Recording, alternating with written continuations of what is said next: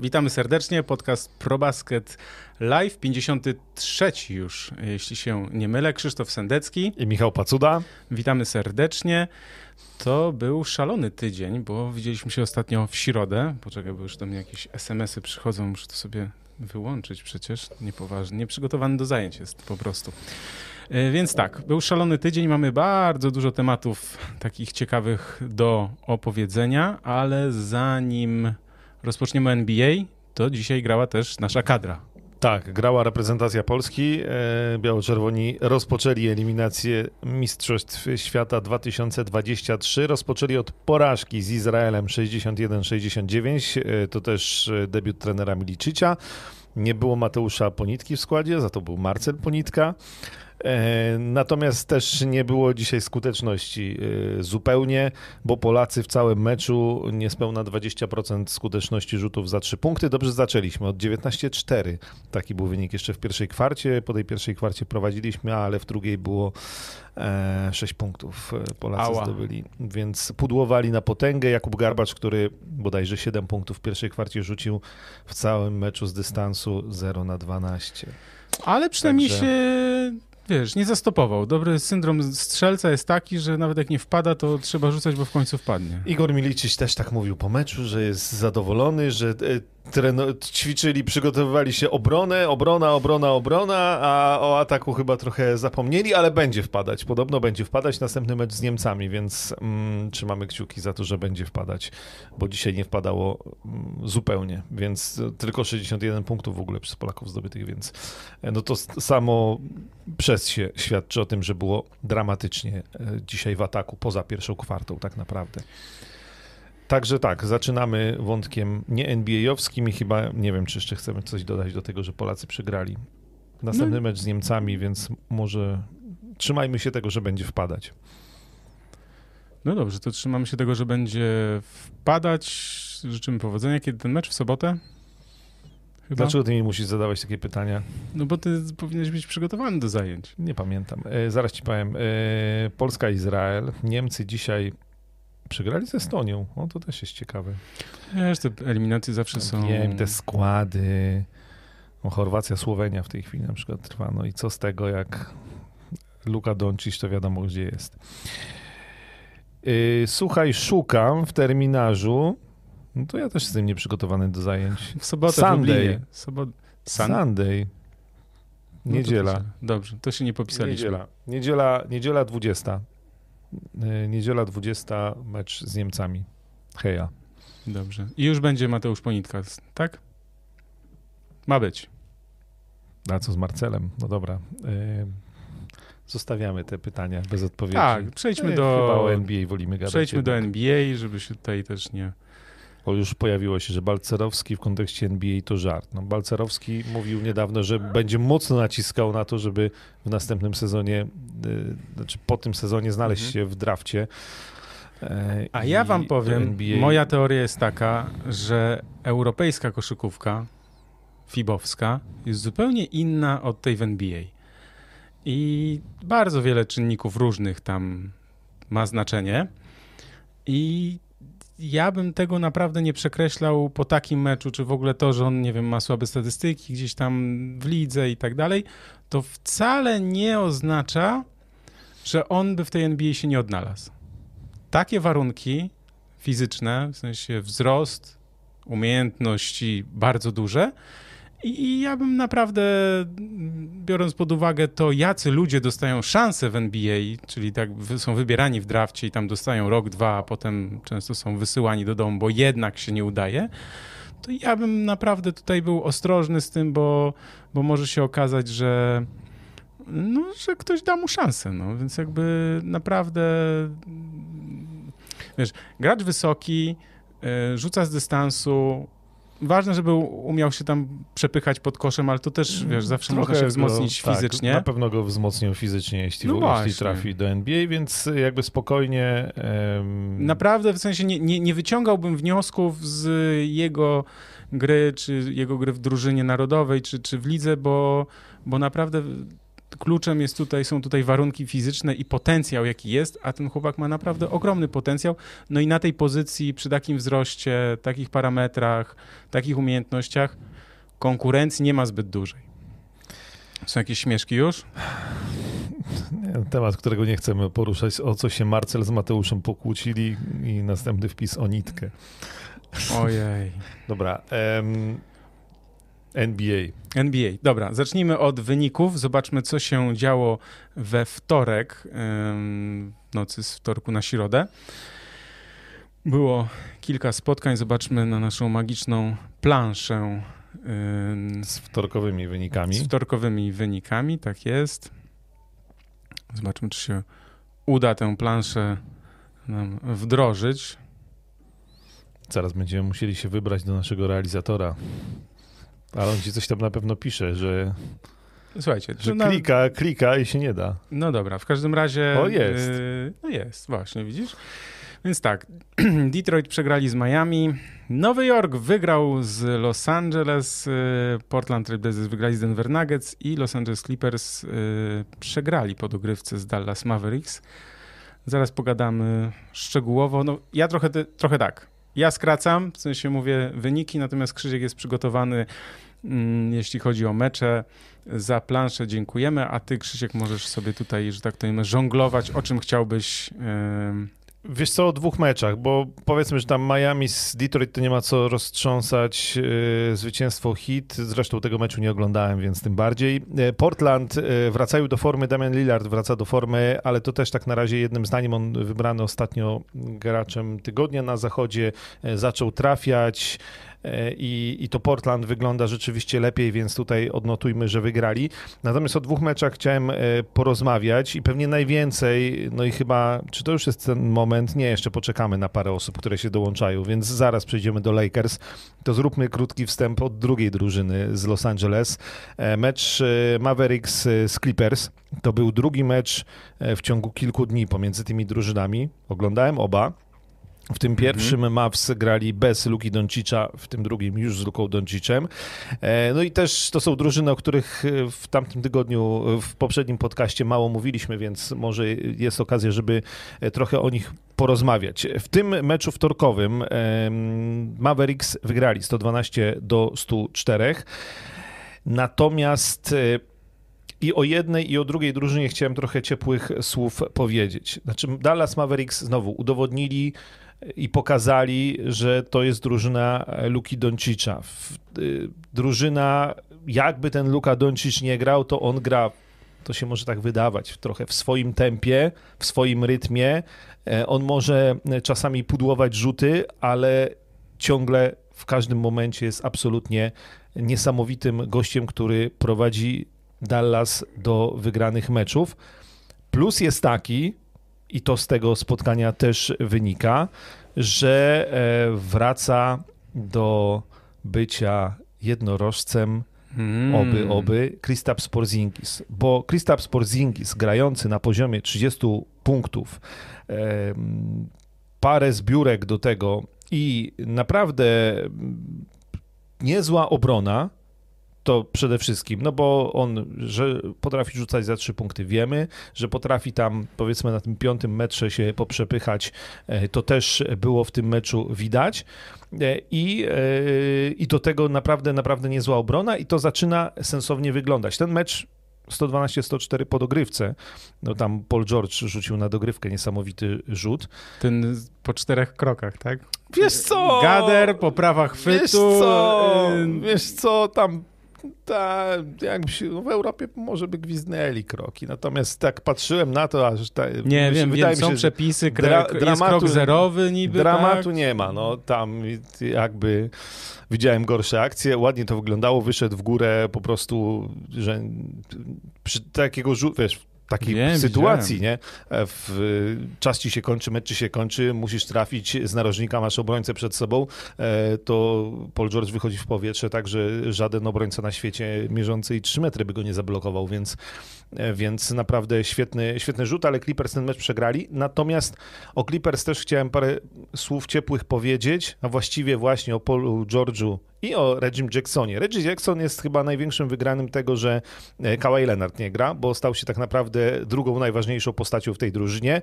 Ma niesamowitą energię. W tym pierwszym meczu e, rzucał w ogóle jakieś kosmiczne rzuty, łącznie gdzieś z dwutaktem w poprzek boiska, wyjściem w powietrze i rzutem z wyskoku tyłem do kosza. E, I to wpadło. Więc w doskonałym humorze był, e, był Reggie Jackson e, po, po tym pierwszym meczu z Dallas. Natomiast Paul George, oczywiście wiemy, my znamy Paula George'a od lat, ale żeby nie umknęło nam to, tak sobie pomyślałem oglądając Paula George'a, mm-hmm. że to jest najlepszy zawodnik, jakbyś chciał wyciągnąć takiego, który ma najwyższą średnią umiejętności wszystkich to jest gość, który jest absolutnie fenomenalnym obrońcą i on haruje w tej obronie. W ogóle Clippers dobrze bronią. Problem jest, problem jest w ataku, bo w tym ataku to mam wrażenie, że właśnie za dużo e, Paul George i chociażby Reggie Jackson grają indywidualnie i trochę, trochę to nie wygląda. Natomiast e, Paul George jako on haruje w obronie, przechodzi do ataku i rzuca ci za trzy, rzuca za dwa, wchodzi pod kosz, podaje, robi wszystko. Czy jest absolutnym liderem i gościem, który kreuje atak w Los Angeles Clippers, więc naprawdę, naprawdę doceniam to, że Paul George Paul George nie był nigdy obrońcą roku, prawda? Nie, e, no. ale rzeczywiście tak. No, to, ja to, pamiętam to, to też jest, to jest czas skandal, To jest skandal, bo, bo to jest moim zdaniem jeden z najlepszych obrońców na parkietach NBA i rzeczywiście taki, który ma siłę na to, co czasami zarzucamy i Lebronowi, i Hardenowi, że, że czasami jak w ataku dają z siebie wszystko, to trochę brakuje siły, trochę odpoczywają w obronie. Mhm. Paul George nie odpoczywa. Paul George e, haruje non-stop z jednej i z drugiej strony parkietu, no i potrafi naprawdę efektownie kończyć akcje. Ten pierwszy mecz z Dallas też kilka jego świetnych e, indywidualnych akcji, które sprawiły, że to spotkanie wygrali Clippers, chociaż tam też długo e, ten mecz był wyrównany, mimo że Dallas bez Luki Doncicza. Natomiast no ten tutaj rzut na dogrywkę, ale ostatecznie Mavs byli lepsi, więc e, jak miałbym, wiesz, porównać te drużyny, to raczej ten mecz wtorkowy, ostatni jest bardziej, z niego bardziej można wyciągać wnioski, bo Dallas z Luką Doncicem i z takim Porzingisem wracającym do formy e, to jest naprawdę coś, bo dzięki temu też inni zawodnicy mają więcej swobody, więcej możliwości e, i, i to rzeczywiście wygląda nieźle. Clippers Podoba mi się ich obrona, bardzo mi się podoba Paul George, podoba mi się energia Reggie'ego Jacksona, tylko ciągle trochę mi jednak w ataku trochę brakuje, że oni, ich się jednak trochę ciężko w ataku ogląda. Fajne są indywidualne akcje Paula George'a, ale sama gra drużynowa to już nie do końca. Także, także o tych dwóch drużynach, które są w tej chwili na plusie, jedni i drudzy, i jak sobie popatrzymy na konferencję zachodnią, to Dallas w tym momencie na czwartym miejscu, Clippers na piątym, chociaż tam jest oczywiście ciasno, ale, no jest, ale myślę, że, że Dallas, jeśli, jeśli Luka będzie zdrowy mhm. E, i Porzingis rzeczywiście wraca do formy, to widzę światełko w tunelu. Światełko w tunelu, tylko mi tam brakuje trzeciej opcji. No trochę tak. Bo Tim Hardaway Jr.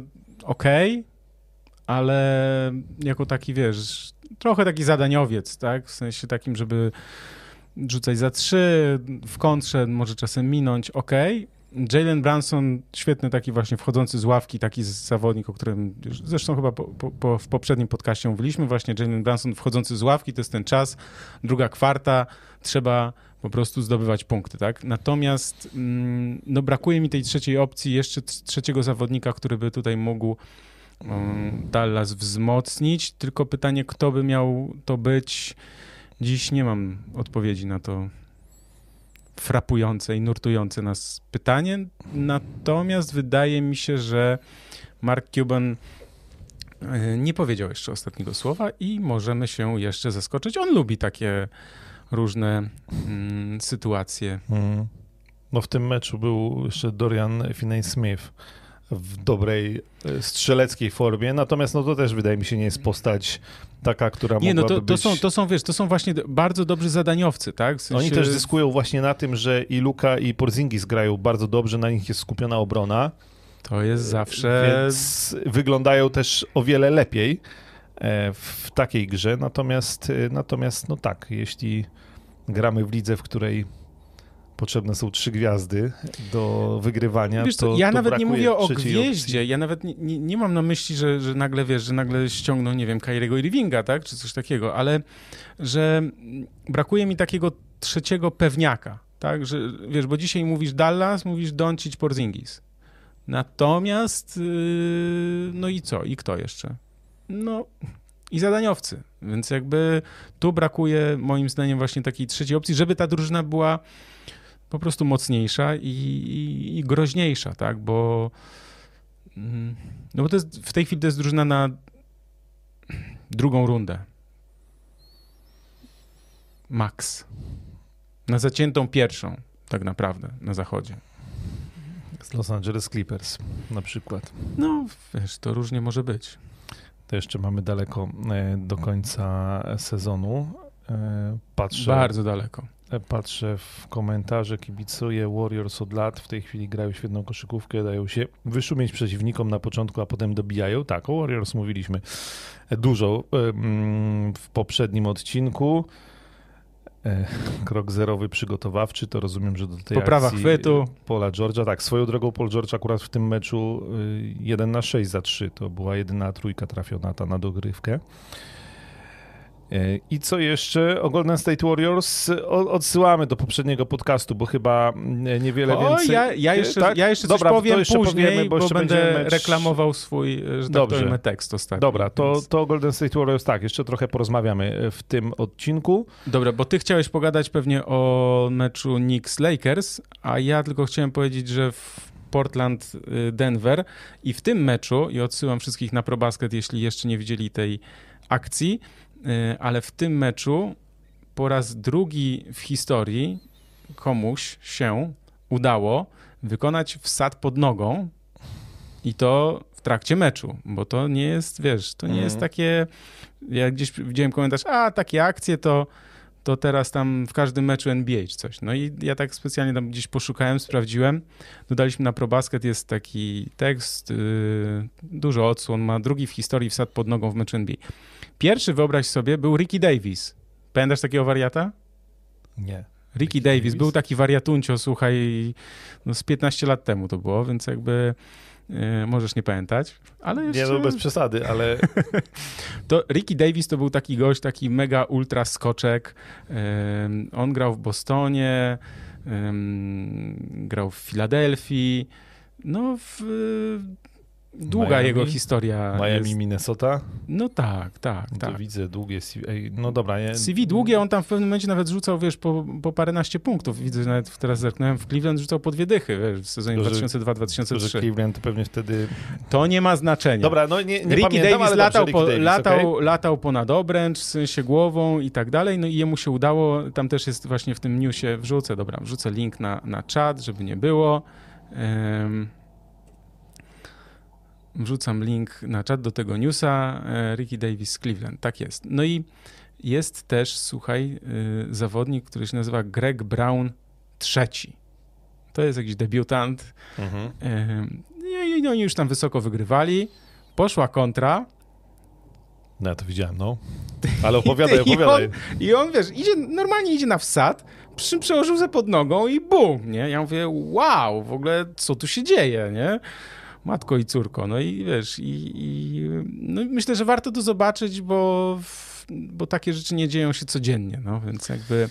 Tak, no ja pamiętam, polecam. wracając trochę do Pola George'a, jak właśnie Paul George jeszcze w barwach Indiany, też idąc sam na sam zrobił 180 stopni e, slam dunka obrót. 360. 300, 360 tak, tak. 360 nie no, stopni. 360 ja się jeszcze, jeszcze się czasem gdzieś 360 tam zdarza. stopni, tak, sam na sam, co też już było wow, nie? Tak. Bo, no Paul George jednak... też był, miał przed tą kontuzją poważną, zwłaszcza miał, no, miał petardę w nogach. On ma ten, ja to strasznie lubię, bo yy, nie wiem, sam miałem z tym najwię największy problem, więc może dlatego też uważam, że to jest strasznie fajne, bo wiesz, wyskok z jednej nogi, jak wiesz, w dwutakcie, jak się rozpędzisz, ok.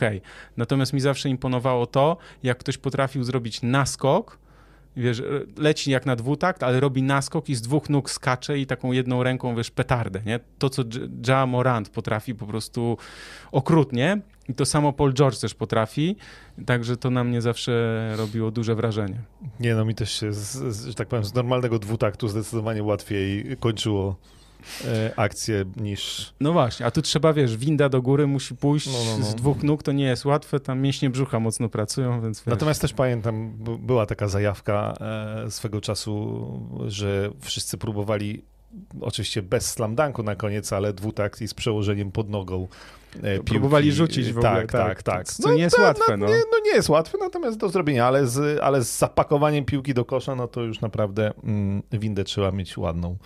E, I też... Koordynację całą. Wiesz, ale no. też trzeba mieć kochones niezłe, bo to jednak w meczu może no, ci coś nie wyjść i wysoko prowadzili. No, wiesz, no dzisiaj, tak, no. dzisiaj w nocy Lamelo Ball sobie y, odbił piłkę y, o parkiet i chciał, wiesz, tyłem wsadzić i Ząg, a no. było na remisie, więc tylko, tylko, chyba to było w drugiej albo w trzeciej, chyba w drugiej kwarcie, więc jakby powiedzmy, że powiedzmy, że nie, nie zaważyło to o wiesz, w końcówce o wyniku, ale, ale rzeczywiście no... no ta, tak, tutaj mamy, że 360 Lawin już trzykrotnie w Chicago, z tego co kojarzę. No tak, tylko że Zach Lawin jest gościem, którego znamy doskonale z tego, że potrafi efektownie pakować piłkę do kosza i a tu jednak jak jesteś pierwszoroczniakiem, nikt cię nie zna i wychodzisz na parkiet, dostajesz piłkę sam na sam z koszem, to, to też wiesz, można spokojnie, e, ale bezpiecznie e, widowiskowo zapakować ją i się pocieszyć z publicznością, a można zrobić z siebie gościa, o którym zaryzykować trochę i, i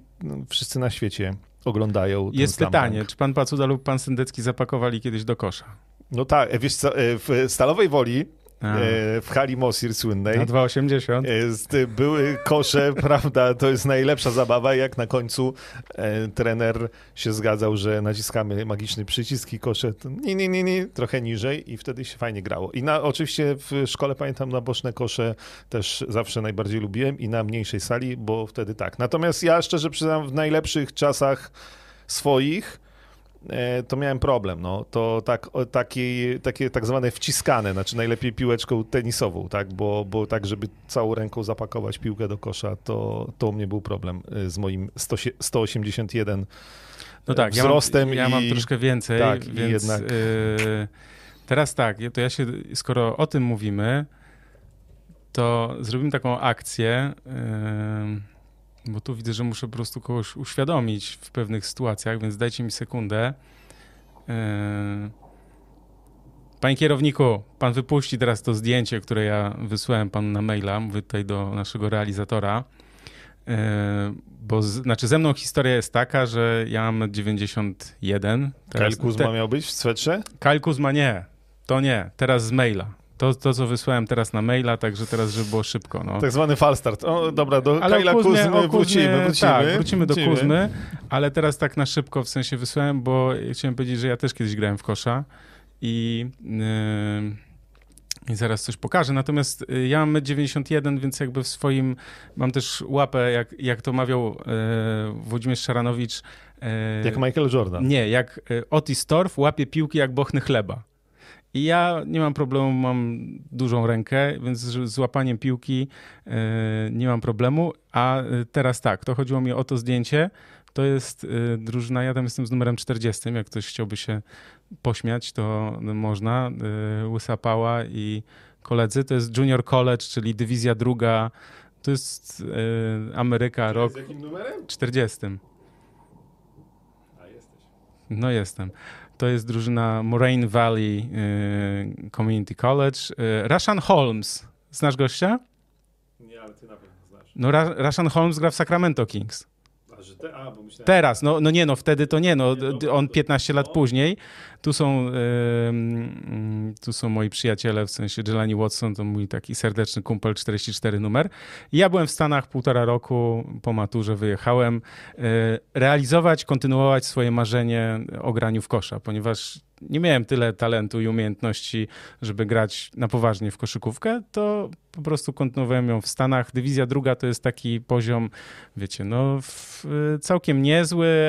Ja tam siedziałem na ławce i dopingowałem w paru meczach owszem grałem, ale, ale też, też no nie, nie będę opowiadał, że tutaj byłem jakąś tam yy, gwiazdą czy coś, ale miałem taką przygodę, a Holmes yy, tę samą szkołę kończył, okay. więc jakby wiesz, jest ktoś tam, kto, kto był. To na przedmieściach Chicago, także tutaj taka wspominkowa akcja, spontaniczna, stąd ten taki cały falstart tutaj i tak dalej. Także tak, zdarzało mi się wsadzać do kosza, w sensie bez problemu z dwutaktu. Z dwóch nóg miałem też taki moment kiedyś, że się udawało, ale to już... Teraz to już skaczemy niżej niż Lamarcus Aldridge.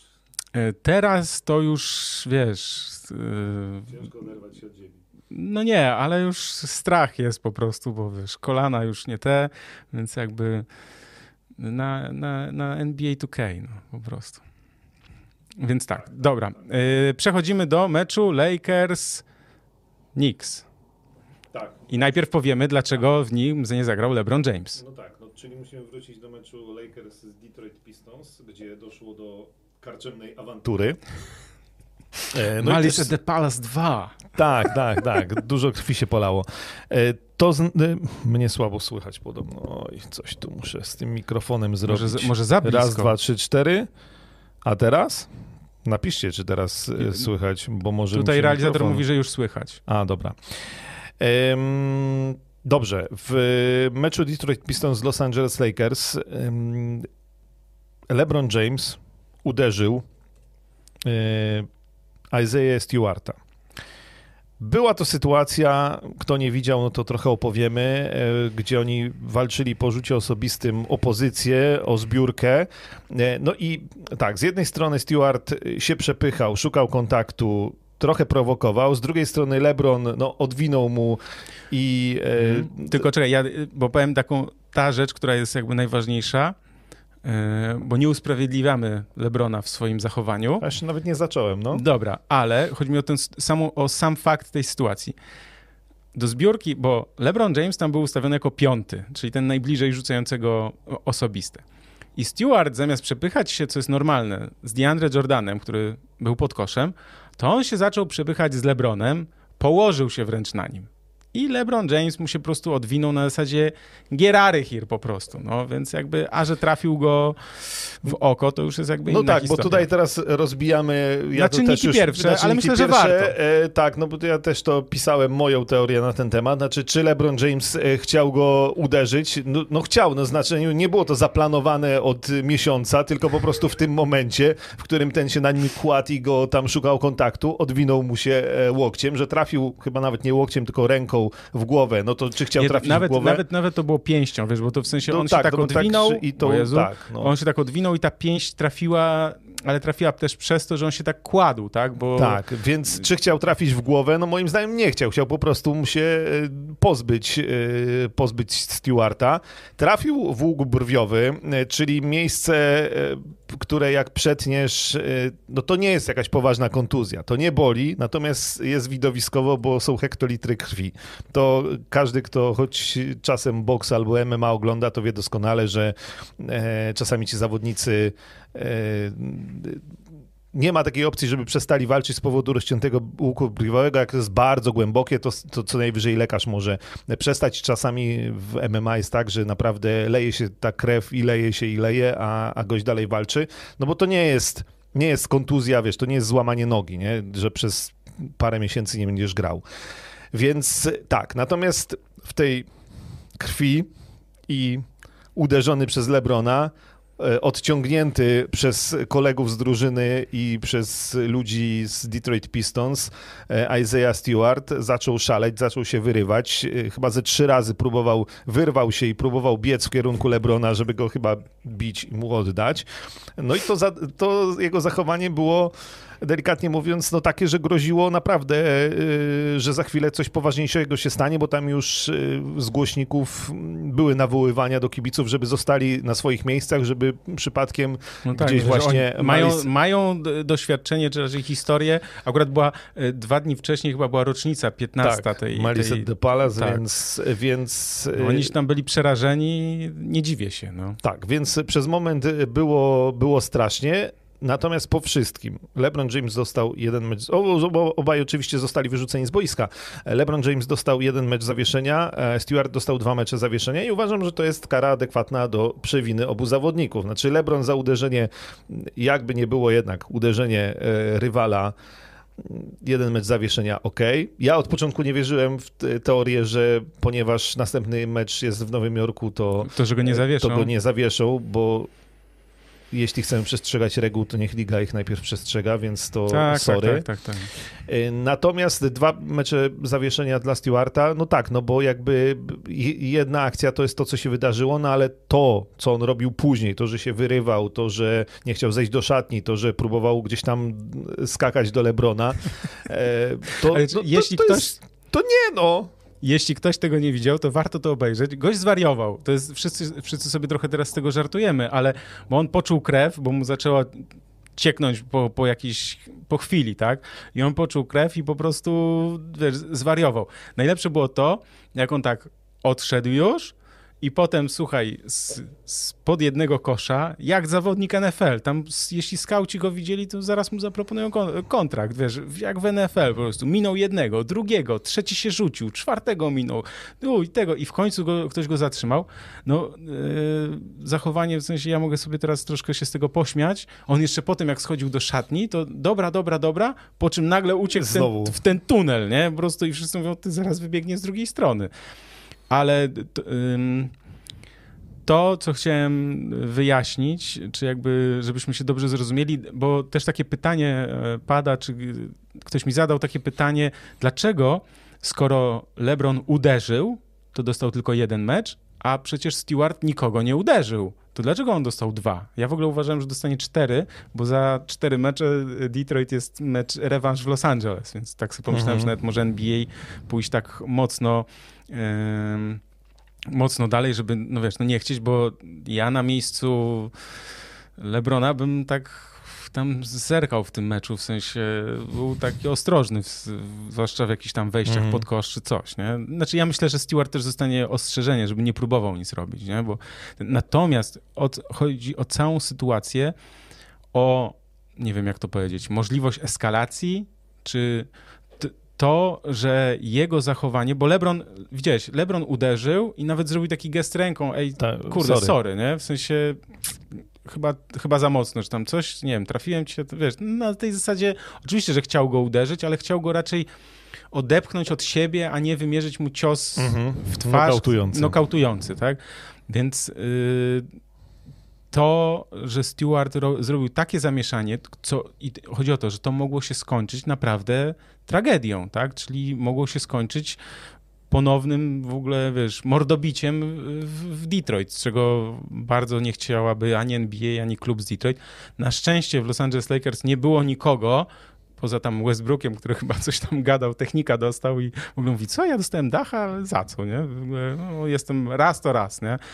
Okej, okay, ale że tam nie było nikogo, bo wiesz, bo to by się też inaczej skończyło. Jakby nagle DeAndre Jordan zamiast stać i, stać i obserwować i tak trochę zasłaniać Lebrona, on tak stanął mm. i mhm. tak zasłaniał, nie? A co by było, gdyby, gdyby wiesz, gdyby, nie wiem, Melo, Westbrook i, i DeAndre Jordan rzucili się na przykład na tego Stewarta, tak? Po, po kolejnej no jego tak próbie. Się, w tak sensie... się w tej słynnej Malice de Palace, w tym meczu słynnym z Indianą, to trochę zaczęło, że jakby stanęliśmy w obronie braci, tak? Że tam oczywiście doszli kibice też, czego tutaj nie było i, i tak dalej, ale gdzieś tam tutaj rzeczywiście, no można powiedzieć, że cała reszta zachowała się ok. Tu mamy, że nie masz racji w boksie, może być przerwana walka, jak krew zalewa oko. No, może być, oczywiście, lekarz może to też powiedziałem. Sędzia też. Ja, sędzia ja może przerwać. Nie, nie, no może przerwać, no, jak jest no może, zalana może cała tak, twarz, no, tak. Tak, no. tak, tak. Oczywiście, że może, jak to rozcięcie jest tak wielkie, że się nie da zatamować, to może. Natomiast y, ja nie pamiętam, żeby sam zawodnik z powodu tego, że ma rozcięty łuk brwiowy chciał, jakby poddał walkę, bo no nie. Więc, no dobra, ale wróćmy do koszykówki. Tak, mógł być kolejny film na Netflixie. No trochę tak. E, kolejna szansa już niebawem, bo, bo niedługo Lakers grają z Knicks. Natomiast jeszcze jedna rzecz mnie troszkę rozbawiła, bo po tym meczu LeBron James próbował dodzwonić się do Stewarta z naciskiem na słowo próbował. Naprawdę? I, tak? To, tak. Tej, to tej historii nie znam, opowiadaj. Ale wiesz, no to jest historia taka, że y, zdaje się sztab y, PR-owy Lebrona zadbał o to, żeby wszyscy się dowiedzieli, że Lebron próbował, próbował. A, no, a wszyscy się zastanawiają, no, że kurde, jednak no nie wie, wiesz, nie wiedzieliśmy, że tak trudno się dodzwonić do innego koszykarza NBA, jak jesteś LeBronem Jamesem. Nie wiem, może nie odbierał telefonu, a może nie ma telefonu, nie wiem.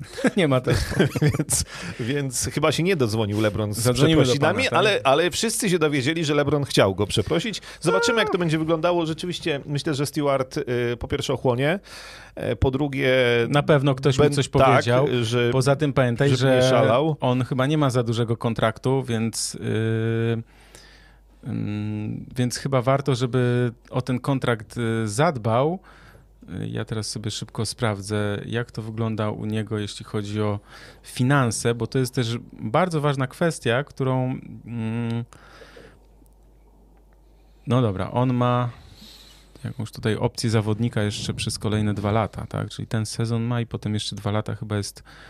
Nie, Team OO, widzisz, kolejne dwa lata ma, po tym sezonie kolejne dwa lata ma team o, e, opcję zespołu, tak? Czyli y, za 3,5 i za 5 baniek. No więc lepiej, żeby nie wziął tego do siebie i nie zrobił tak, bo... sprawy honorowej z tego. Tak, nie bo nawet trener Dwayne Casey niczym... powiedział, że, no, że takie zachowanie jest e, no, nie do zaakceptowania. Tak? E, tak, no więc zobaczymy, jak to będzie, chociaż e, też ja też pamiętam na tam była spora dyskusja, mnóstwo tych dyskusji na Twitterze, natomiast no, też mi się tak przypomniało przy okazji różnych tam argumentów i właśnie pytanie, co będzie dalej, tak, między tymi zawodnikami, e, to, to pamiętam jak Ron Artest kiedyś naparzał Kobiego Bryanta właśnie łokciami, e, grając wtedy w Houston, a Bryant w Lakers, a później Ron Artest e, przeszedł do Lakers, no i został ob... tak, no razem z Kobim i jakby obrońcą na parkiecie Kobiego i, i był ważną postacią i wiesz, to, to, to spokojnie, no emocje to jest sport, emocje są duże na parkiecie, natomiast. Ja, myśl, ja myślę, i... ja myślę, że nawet może dojść do takiej sytuacji, że będzie jakiś specjalnie, wiesz, nagrane przed meczem, że LeBron przychodzi do stewarda i coś mu mówi, a i go przeprasza na przykład. Ja myślę, że PR-owo, słuchaj, to by, znaczy na pewno by sobie wszyscy w NBA tego życzyli, żeby tak się właśnie zadziało. Nie zdziwiłbym się, gdyby tak było. Tak? Nie wiem, I, czy to jest... I byłoby bardzo nierozsądne, gdyby Stewart, yy, wiesz, podszedł do tego na zasadzie, wiesz, on jak LeBron przychodzi, wiesz, przychodzi LeBron do ciebie i mówi sorry, a on się na przykład zachowa tak na zasadzie nie ma sorry. Nie? Na pewno e, nie wiem, czy to jest mecz, który będzie mm, na całe Stany szedł w telewizji. Nie myślę, wiem, że po, myślę, że oglądalność będzie spora. E, tak, ale na pewno też realizatorzy kamer dostaną ten, u, uczuleni zostaną, że wszystkie łapiemy, jak LeBron i Stewart są blisko siebie, to W ogóle Stewart uwaga, na boisku uwaga. i mhm. sprawdzamy wszystko. No. Także tak. Warto odnotować, że e, po tym wyrzuceniu Lebrona i Stewarta, to Lakers jednak wygrali. 50, taki, nawet sobie tam mam taką statystykę, po, po meczu, znaczy po, po tym wyrzuceniu, Lakers rzucili 55 punktów, Pistons tylko 38, Lakers prawie 50% skuteczności, Pistons tylko 30 i tam w końcówce Anthony Davis zablokował dwukrotnie Data Cunninghama, więc jakby no... Mm, taki, ktoś powiedział, o, taki mecz był potrzebny, mecz taki na przełamanie. Ja, no sobie, tak. ja sobie tak pomyślałem, tak, mecz na przełamanie z Detroit Pistons, którzy zajmują drugie miejsce od końca na wschodzie. No, bądźmy ostrożni, w sensie takie przełamanie to, wiesz, to w Toronto. No, w no, sensie... Zresztą przełamanie nie przyszło, bo w... No dobrze, bez LeBrona Jamesa, właśnie w kolejnym meczu, tym od którego tutaj wyszliśmy, wtorkowym, tak. E, Lakers przegrali z New York Knicks 100 do 106. Ja mam dzisiaj bluzę New York Knicks, ktoś tu już napisał, że ładna bluza, dziękuję. Natomiast umówmy się, e, New York Knicks nie wyglądają na razie dobrze. Tak wyglądają, powiedziałbym, średnio. E, RJ Barrett y, wygląda mizernie, wyglądał w poprzednich meczach. Ze skutecznością jest e, słabo, z obroną co też już mówiliśmy, jest nieco zaskakujące, jest bardzo słabo. Natomiast akurat w tym meczu z Lakers, bez LeBrona Jamesa, udało się Thibodeau przypudrować wszelkie niedoskonałości, e, w czym też Lakers pomogli. Znaczy widać, że e, Frank Vogel próbuje różnych możliwości. Poczekaj, ja ci powiem. Dziewię... Do meczu z Nowym Jorkiem 19 meczów, bo teraz już mają 20. 19 meczów, 9 ustawień pierwszej piątki. No tak. I, Różnych. I, I teraz tak, bo zaraz przejdziemy też do kolejnego meczu Lakers, gdzie to się y, zupełnie z, y, zmieni w porównaniu z tym meczem z Knicks. Y, w meczu z Knicks y, grali bardzo dużo centrami. Znaczy DeAndre Jordan, Dwight Howard, Anthony Davis za czepieni pod obręczą w pomalowanym. E, no i nie był to dobry pomysł, bo jednak New York Knicks e, w ataku mają strzelców, którzy jak, e, jak mają pozycję, to rzucają i w tym meczu trafiali całkiem nieźle. Przede wszystkim Evan Fournier trafiał dobrze. No i było tak, że, że po prostu ta obrona no nie była mobilna, nie, nie ruszała się, nie nadążali. Piłka krążyła sobie po obwodzie i w którymś momencie w narożniku dostawał gość, który już nie miał obrońcy przed sobą i miał czystą pozycję i rzucał i tylko gdzieś tam Melo pędził z ręką z 6 metrów, y, próbując zatrzeć złe wrażenie. I był kosz, kosz, kosz. Swoją drogą Melo też przywitany pięknie w Madison Square Garden, ale zagrał bardzo źle i w ataku i w obronie, więc... O, e, jeśli chodzi o, o, obronę Los Angeles Lakers, to znaczy że przeciwko obronie, to tam jest, y, grają tak, y, rywale grają tak, żeby po switchu był, y, ktoś grał z piłką przeciwko Melo i wrzuc, wbijał się pod kosz, bo po prostu, wiesz, jest, nawet taka jest obserwacja właśnie, że wszyscy gdzieś tam mówią, że kurczę, że wszyscy grają, żeby grać przeciwko Carmelo Antonemu, bo on po prostu nie jest w stanie wybronić ani niższych od siebie, ani wyższych od siebie, tak? Ani tam pod koszem nie daje rady, ani na obwodzie, więc jest duży tutaj problem jest. Y, natomiast jeśli chodzi o te poszukiwania tych ustawień, czyli te te 10, te 9 zmian ustawienia pierwszej piątki. Oczywiście też mówiliśmy poprzednio o, o, Lakers, mówiliśmy o tym, że nie gra Kendrick Nunn, że wrócił Taylor Horton Tucker, którzy dopiero, znaczy którzy mieli być właśnie tymi zawodnikami od zdobywania punktów w tych właśnie drugich drugich, trzecich kwartach. No, Horton na... Tucker 0 na 8 w tym meczu. No tak, ale wcześniej tam całkiem nieźle sobie radził, więc w pewnym momencie chyba był, chyba z Bostonem był najlepszym w ogóle graczem na boisku. Tak. Jakoś tak było. No nieważne. Ale chodzi o to, że Lakers, to jaki mają problem, to oni nie wiedzą, co mają grać. To znaczy, że nie wiedzą, jaka jest ich mocna strona. Po prostu. Nie wiedzą do końca, nic nie wiedzą. Wiesz, że patrzysz na jakiś zespół, wiesz nie wiem, Golden State Warriors, wiesz czym są mocni, masz scouting, przygotowujesz się, próbujesz, tak, się jakoś przygotować przeciwko nim i tak dalej. I wszyscy wiedzą, że w Dallas Mavericks jest Doncic i trzeba uważać na Porzingisa i tak dalej, i tak dalej. W Clippersach Paul George, wiadomo. Natomiast Lakers są tak drużyną niepoukładaną w tej chwili, zarówno w ataku, jak i w obronie, że oni tak, ani nie mają pomysłu na atak, bo nie wiadomo, Russell Westbrook w grze ustawianej to się nie wydarzy. Russell Westbrook w, w trzeciej kwarcie meczu z Nowym... To jest jeden z niewielu pozytywów y, tego meczu to była chyba najlepsza kwarta Russella Westbrooka w barwach Los Angeles Lakers. No, to jakby, wiesz, nie, no, przegra, no. przegra, ja wiem. No nie, przegrali. Znaczy też...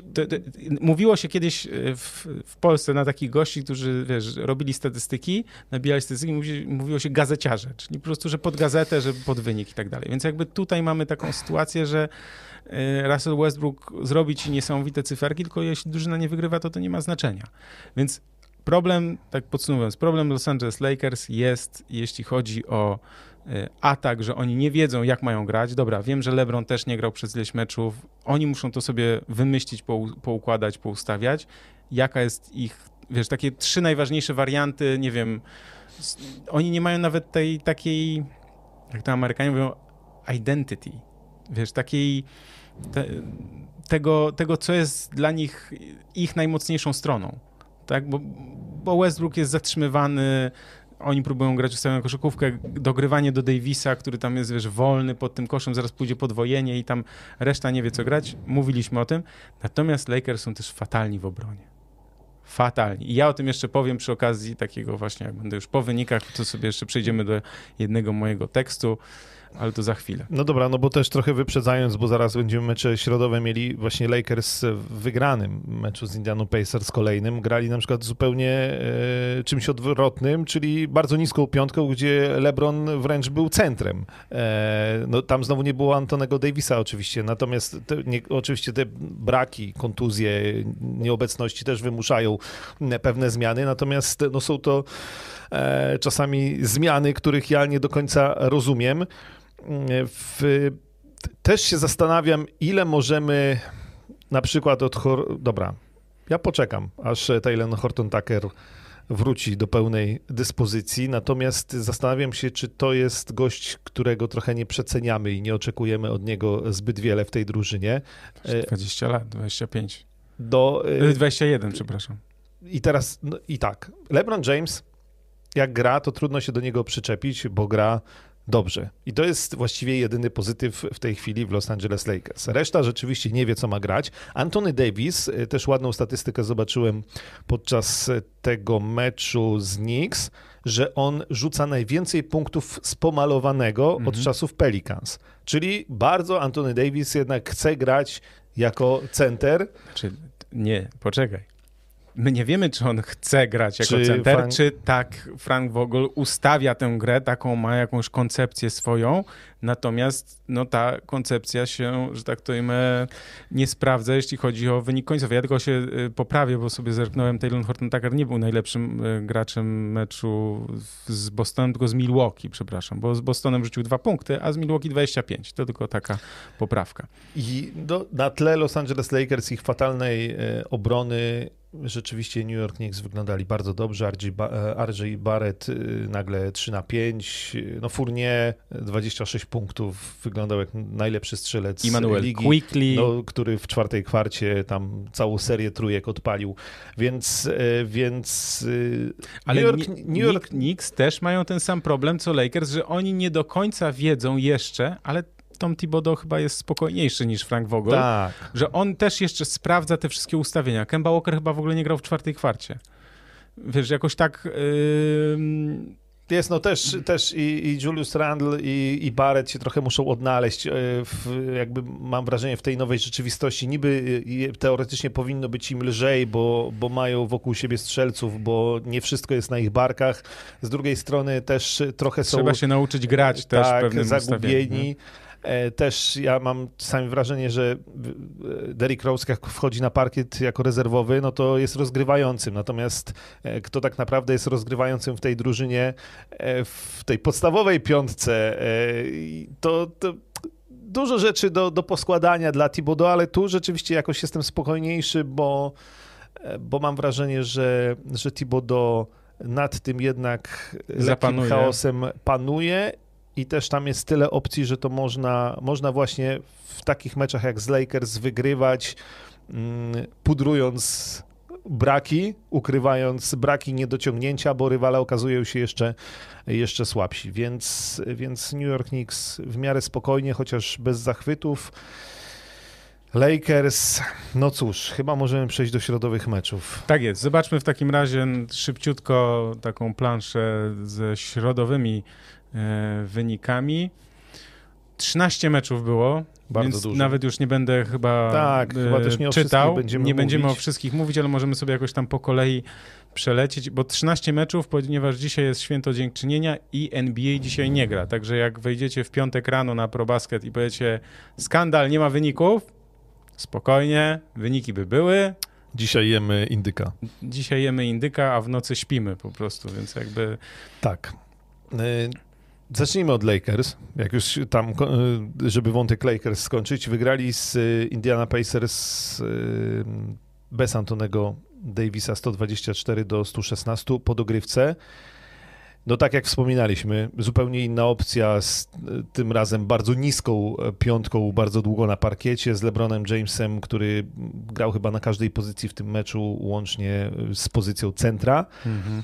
E, LeBron James, przypominamy, on niedługo będzie miał 37 lat w grudniu, więc y, czas płynie nieubłaganie, natomiast LeBron James w tym meczu 43 minuty na parkiecie, 39 punktów, 5 zbiórek, 6 asyst, 2 bloki i mm, pięć celnych trójek, więc naprawdę duży mecz, świetna dogrywka.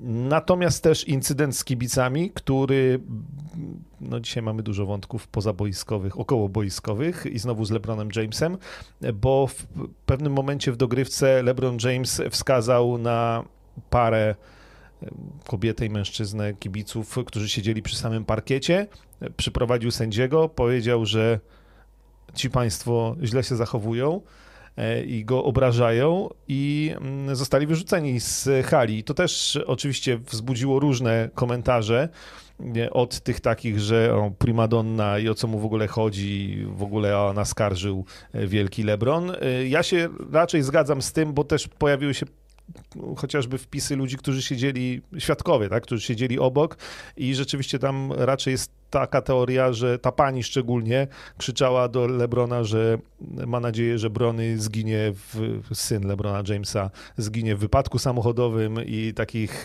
takie jeszcze różne e, inne kwestie dotyczące jego rodziny.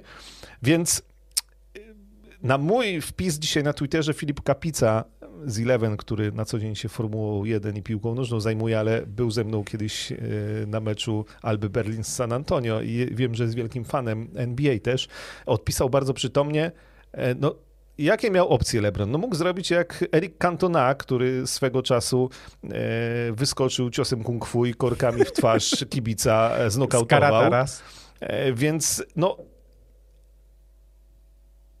ja, ja, ja jestem zdania, że LeBron zrobił bardzo dobrze. Znaczy, kibice, wyrzućmy hamstwo z hali, z boisk. Słuchaj, to, że cię stać na bilety w pierwszym rzędzie, które kosztowały no, na pewno więcej niż kilkaset dolarów,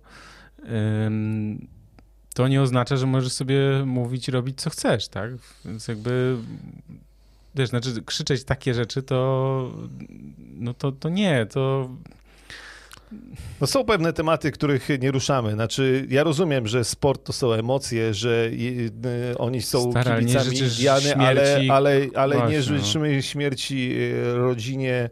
E, Poza tym musimy też pamiętać o jednej rzeczy, bo gdzieś może być takie poczucie, że a u nas na boiskach tam, nie wiem, piłkarskich to się takie rzeczy krzyczy, czy tam coś i tak dalej. Tylko wiecie, w halach NBA jest tak, że jak idzie obok siebie ja byłem na meczu na przykład, nie wiem, Los Angeles Clippers, Indiana Pacers. I tam ludzie sobie chodzą wspólnie, w sensie jedni są w Clippers w koszulce, drudzy są w Pacers i ktoś się tam śmieje i tak dalej. Jechałem y, windą i, i ktoś mówi na meczu Lakers y, Thunder, y, mówi, a właśnie jestem, zobaczę jak tam, a to taka wielka winda na kilkanaście osób, zaraz właśnie idę zobaczyć jak tam KD spierze tyłek Kobiemu, nie? I tak, wiesz, i te, te 10 osób pozostałych w windzie tak na niego, on tak, o, sorry, sorry, nie? I tak ha, ha, ha, i wszyscy w śmiech, tak?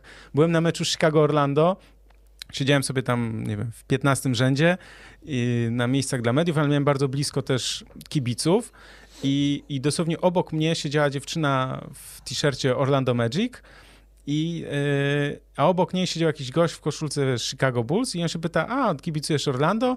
A on mówi, tak, bo jestem z Florydy, tu przyjechałem coś tam na studia, już zostałam, pracuję, ale kibicuję im i tak dalej, nie? I jakby była miła, normalna rozmowa, a okej, okay, fajnie, fajnie, więc jakby ten sport, musimy też o tym pamiętać, że to nie jest e, wojna na śmierć i życie, to staramy się, w sensie wszyscy są zaangażowani. Yy, można mieć pretensje o brak zaangażowania do zawodników, o, o brak, nie wiem, zostawienia tak zwanego właśnie serca na parkiecie, no ale wiesz, nie można mieć, nie wiem, nie można grozić śmiercią, czy w ogóle mówić jakichś strasznych rzeczy o, o kimś, kto, nie wiem, nie trafił jakiegoś rzutu, czy, czy coś takiego, tak? Więc jakby w ogóle inna kultura i inny poziom, wydaje mi się, że do takiego też poziomu powinniśmy dążyć, to ja chyba powinien wrażenie, być taki ideał, w sensie, że, że wszyscy się szanujemy, tak? W sensie poza parkietem jest... A, jeszcze powiem tylko taką rzecz właśnie odnośnie tego. To mnie na, strasznie zaskoczyło, jak byłem w Stanach, bo na boisku sieczka okrutna, w sensie trash talking, którego ja po prostu w życiu nie widziałem, w polskiej lidze też takiego nie widziałem. Goście po prostu mówili do siebie rzeczy straszne na tym poziomie, wiesz, junior college'u. I ja sobie myślę tak, o kurde, ale tam gorąca, wiesz, bo tam jakieś, graliśmy z jakąś tam właśnie tą uczelnią, tam te pierwsze miejsce w tej dywizji, coś tam i tak dalej, tego, ale będzie tam, mówię, po meczu, mówię, kurde, co tu się będzie działo za chwilę, nie? Koniec meczu, słuchaj, oni ze sobą piątki przybijają, a to jest kumple, my tu razem graliśmy w szkole średniej, ten mieszka niedaleko mnie, coś tam i tak dalej, nie? I ja wtedy zacząłem, mówię, aha, to o to chodzi. W sensie na boisku walczymy, w sensie się naparzamy, gramy, chcemy wygrać, ale dopóki, wiesz, ktoś komuś krzywdy specjalnie nie zrobił, no to po prostu po meczu jesteśmy kumplami dalej, no. Albo po prostu jesteśmy rywalami, ale się szanujemy i nikt do nikogo nie leci z łapami. Tak, no też sporo osób się odezwało takich, że e, no jakby każdy się tak zachowywał, to trzeba by połowę meczów przerywać. Uważam, że to zła teoria i też trochę wychodzi mm, jednak jeden ze stereotypów naszych polskich i wad, że to kablowanie to jednak, no nie, to najgorsza rzecz to jest kablować na kogoś i donosić i w ogóle, bo od razu ten. Więc jakby, ja mówię spokojnie, wydaje mi się, że LeBron miał powody e, do tego, żeby, żeby tak e, zrobić i, i wydaje mi się, że akurat a pamiętasz, też była taka sytuacja, to nie było z playoffów, y, Utah-Memphis przypadkiem? Teraz tak z pamięci, w sensie, że tam chyba ojciec y, Moranta właśnie był jakoś... Nie, czy... Tak, no ja pamiętam z Trey Youngiem w Madison Square Garden, że tam plucie na niego i tak no- dalej. No, no oczywiście, no to, wiesz, no, na, najlepiej powiedzieć, że on powinien w ogóle tego nie słyszeć i tylko pokazać, no swoją drogą LeBron pokazał w tym meczu swoją wielkość, tak, i na parkiecie, natomiast Natomiast ja jestem daleki od jakiegokolwiek krytykowania LeBrona.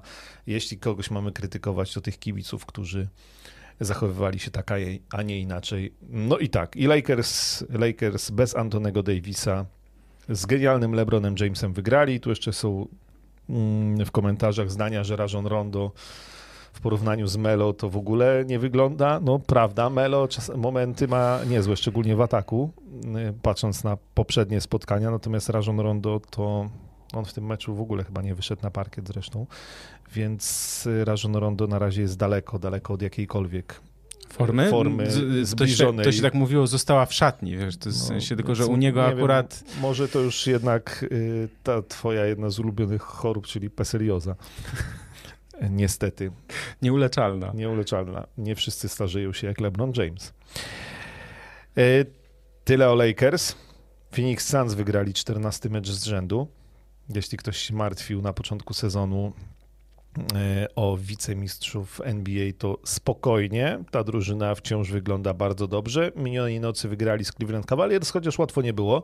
E, Cleveland ciągle bez Mobleya, bez Sextona, mm, ale jak zeszły pierwsze piątki i weszli rezerwowi, to się okazało to, o czym też już mówiliśmy poprzednio rozmawiając o Cleveland, że oni ten skład mają jednak bardzo, bardzo szeroki. Ricky Rubio 15 punktów, Chedi Osman 23 punkty, Kevin Love 14. Uuu, proszę bardzo. Szaleństwo. I tam do, do końca trwała walka o zwycięstwo. Ostatecznie Suns wygrali i mają 14-0 w ostatnich meczach. O Phoenix Suns, bo o nich nie mówiliśmy za bardzo w tym sezonie, trzeba powiedzieć, że DeAndre Ayton, mimo tego, że yy, władze Suns nie dały mu maksymalnego kontraktu, to gra wciąż naprawdę, naprawdę dobrze. On w tym meczu z y, Cleveland y, to zbierał piłkę z nad głowy Jareta Allena i, i, i, było widać różnicę już po tym poprzednim sezonie, na jakim poziomie jest Ayton i jest jednak o półeczkę wyżej od, od Allena. No wiadomo. Ja już nie mówię, że jak próbował ktoś tam iść z pomocą, jakiś Markanen czy Love, no to się odbijali od niego wiesz, jak y, od ściany. DeAndre Ayton, taki poziom 16 punktów, 9 zbiórek jak z tego meczu, to, to powinna być norma. Znaczy na poziomie double-double, powyżej 10 punktów, powyżej 10 y, zbiórek. Y, Chris Paul generał wciąż, chociaż aż trzy straty w tym meczu, aż, aż trzy, trzy straty. Jak na niego, Powiedz trzy. to Hardenowi albo Westbrookowi. Tak. I 17 punktów, 12 asyst, czyli cały Chris Paul. Bardzo dużo akcji kończonych rzutami z wyskoku, z półdystansu. Często jak było przekazanie w obronie i, i, miał przed sobą wysokich właśnie z Cleveland, czy to z pozycji 5-4 i tak rzucał i trafiał i, i on jest niewiele wyższy ode mnie, ma 183 cm wzrostu i naprawdę chciałbym mieć taki rzut z, z wyskoku jak e, Chris Paul.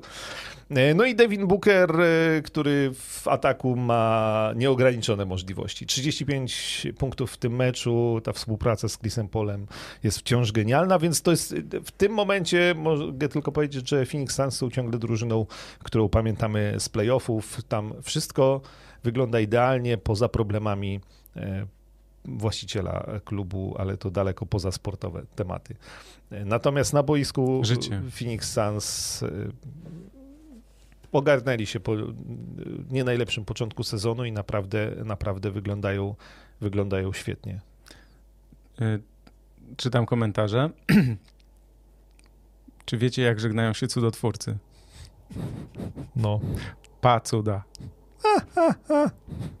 Dobry no suchar, dobry suchar. Dobry. Dobry suchar, milordzie. Tak, e, ja jeśli chodzi o dzisiejsze mecze, to przede wszystkim chciałem powiedzieć, że hmm, Antony Edwards. A. Jezus Maria. No ale czy ja tego nie mówiłem? Nie, mówiłeś, tak. Ja też y, trochę tak. Y, bo w, e, byliśmy ostatnio, ja byłem z Keep Debitem, czyli z Łukaszem, którego pozdrawiam, pozdrawiamy serdecznie. Byliśmy w studiu w Basket Office w Kanal Plus. E, polecamy, bo właśnie się zaczyna, więc myślę, że możecie nagrać jedno, obejrzeć drugie z odtworzenia, jak najbardziej. No i był taki temat, chwilę o Minnesocie i tak obaj żeśmy stwierdzili, że no tam nie dzieje się nic dobrego i trudno, żeby się zadziało i że chyba trzeba po prostu uwolnić Karla Antonego Townsa, bo nic z tego nie będzie. Ja mam największe jakieś tam uwagi czy obiekcje do tego, czy z D'Angelo Russellem da się po prostu zbudować jakąś drużynę, bo jego styl grania, sposób jest po prostu gdzieś tam no, trudny. Natomiast Anthony Edwards po raz kolejny po prostu y, zamordował, no, po prostu zniszczył, zmiażdżył, zamordował y, gościa. Y, no bo mówimy o Slamdanku. Na tak, Vincent... Vincent, ja nie wiem, kto to jest w ogóle, Vincent Gabe, tak? Przepraszam, Gabe, w sensie się czyta, ja nie, nie wiem, niestety nie, nie, nie, nie przygotowany do zajęć, natomiast najważniejsze jest to, co zrobił um, Antony Edwards. Ja teraz wam podrzucam bo to byłby wsad sezonu, wsad roku, jak nie po prostu nawet kilku ostatnich, bo to... No to było w stylu Vince'a Cartera z Igrzysk To było w stylu Janisa z Madison Square Garden. No też.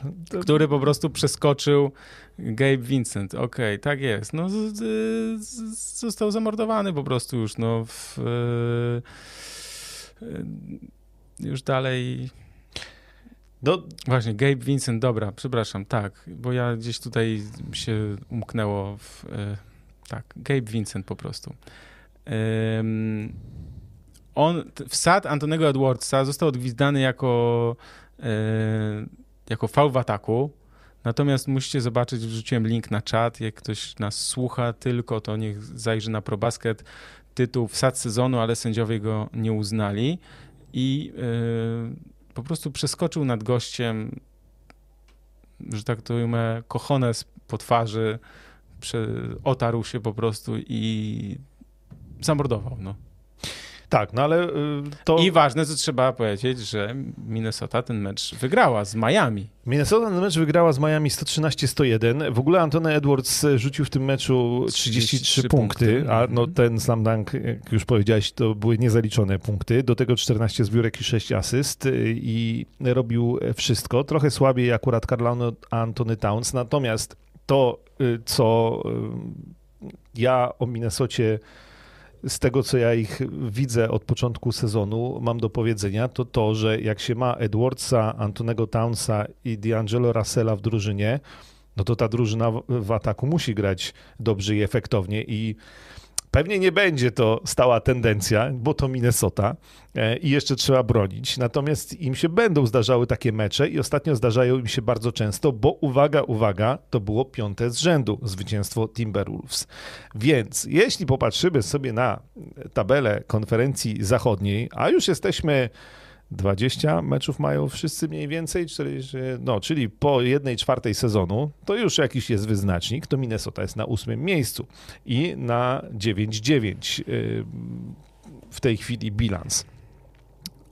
Los Angeles Lakers 10-10.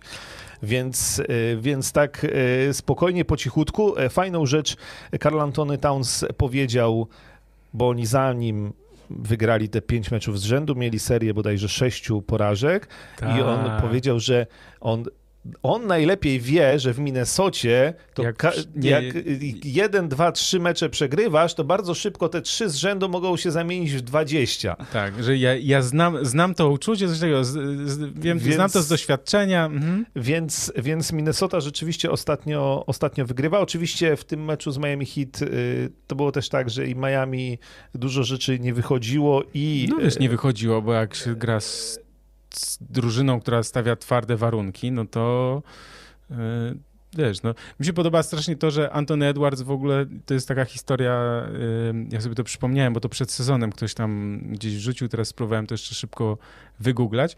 On jak przychodził do NBA rok temu, tak, to miał 1,93 m, a teraz ma już chyba 1,98 m. No chłopak i... ma 20 lat. Cały czas rośnie. Tak, więc on, on z takiego, rzeczywiście, bo ja go pamiętam z tego pierwszego sezonu, on taki jakby, mm, nie chcę powiedzieć, że krępy, ale taki, że taki, wiesz, nabity, nie? W sensie taki typowy gość po 1,90 m. A teraz nagle długie nogi, w sensie taki, wiesz, się wyciągnęło go. Taki wcześniej wydawał się trochę nabity. Warunki fizyczne miał wtedy świetne, w sensie wyskok, więc jak wiesz, rośniesz 5 centymetrów, to jest od razu... Tak, no on już dawał sygnały, e, że będzie tak, dawał świetny. Sygnały. Momenty były. Momenty były pod koniec poprzedniego sezonu, tak. że w pewnym momencie e, przy kontuzji e, Lamelo Bola stał się kandydatem. kandydatem. do Rookie of the Year. Ostatecznie skończył na drugim miejscu i myślę, że jednak zasłużenie Lamelo Ball mm, został najlepszym debiutantem. Natomiast Edwards tą, tą drugą część sezonu w Minnesocie, która no, ale on tam naprawdę grał e, momentami genialne mecze, to e, rzeczywiście, rzeczywiście już była zapowiedź tego, co może z niego wyrosnąć, a myślę, że będzie jeszcze lepszy. W tym meczu z Miami jeszcze Malik Beasley e, też pomógł kolegom. Przebudzenie? No, zobaczymy na jak długo, więc też nie wyciągałbym zbyt daleko idących wniosków co nie. do Minnesoty. Natomiast Antonego Edwardsa warto oglądać, bo to jest jeden z najciekawszych drugoroczniaków w lidze wciąż i, i jego rozwój, tak samo jak Lamelo po tym meczu, jest... Po tym meczu Antony Edwards jest najlepszym strzelcem Minnesoty. O jedną dziesiątą no, punktu, punktu ma, punktu ma yy, więcej niż Carl Anton Towns, więc jakby no... Proszę bardzo. Nie, jeśli chodzi o Minnesotę, ja myślę, że, że Anton Edwards, jak już mówi, daje nadzieję, natomiast gdybym miał tam wpływ na coś, to bym pogonił, po, znaczy pogonił, przepraszam, po prostu wymienił korzystnie Antonego Townsa, który już tam jest zmęczony i próbował się pozbyć D'Angelo Russella.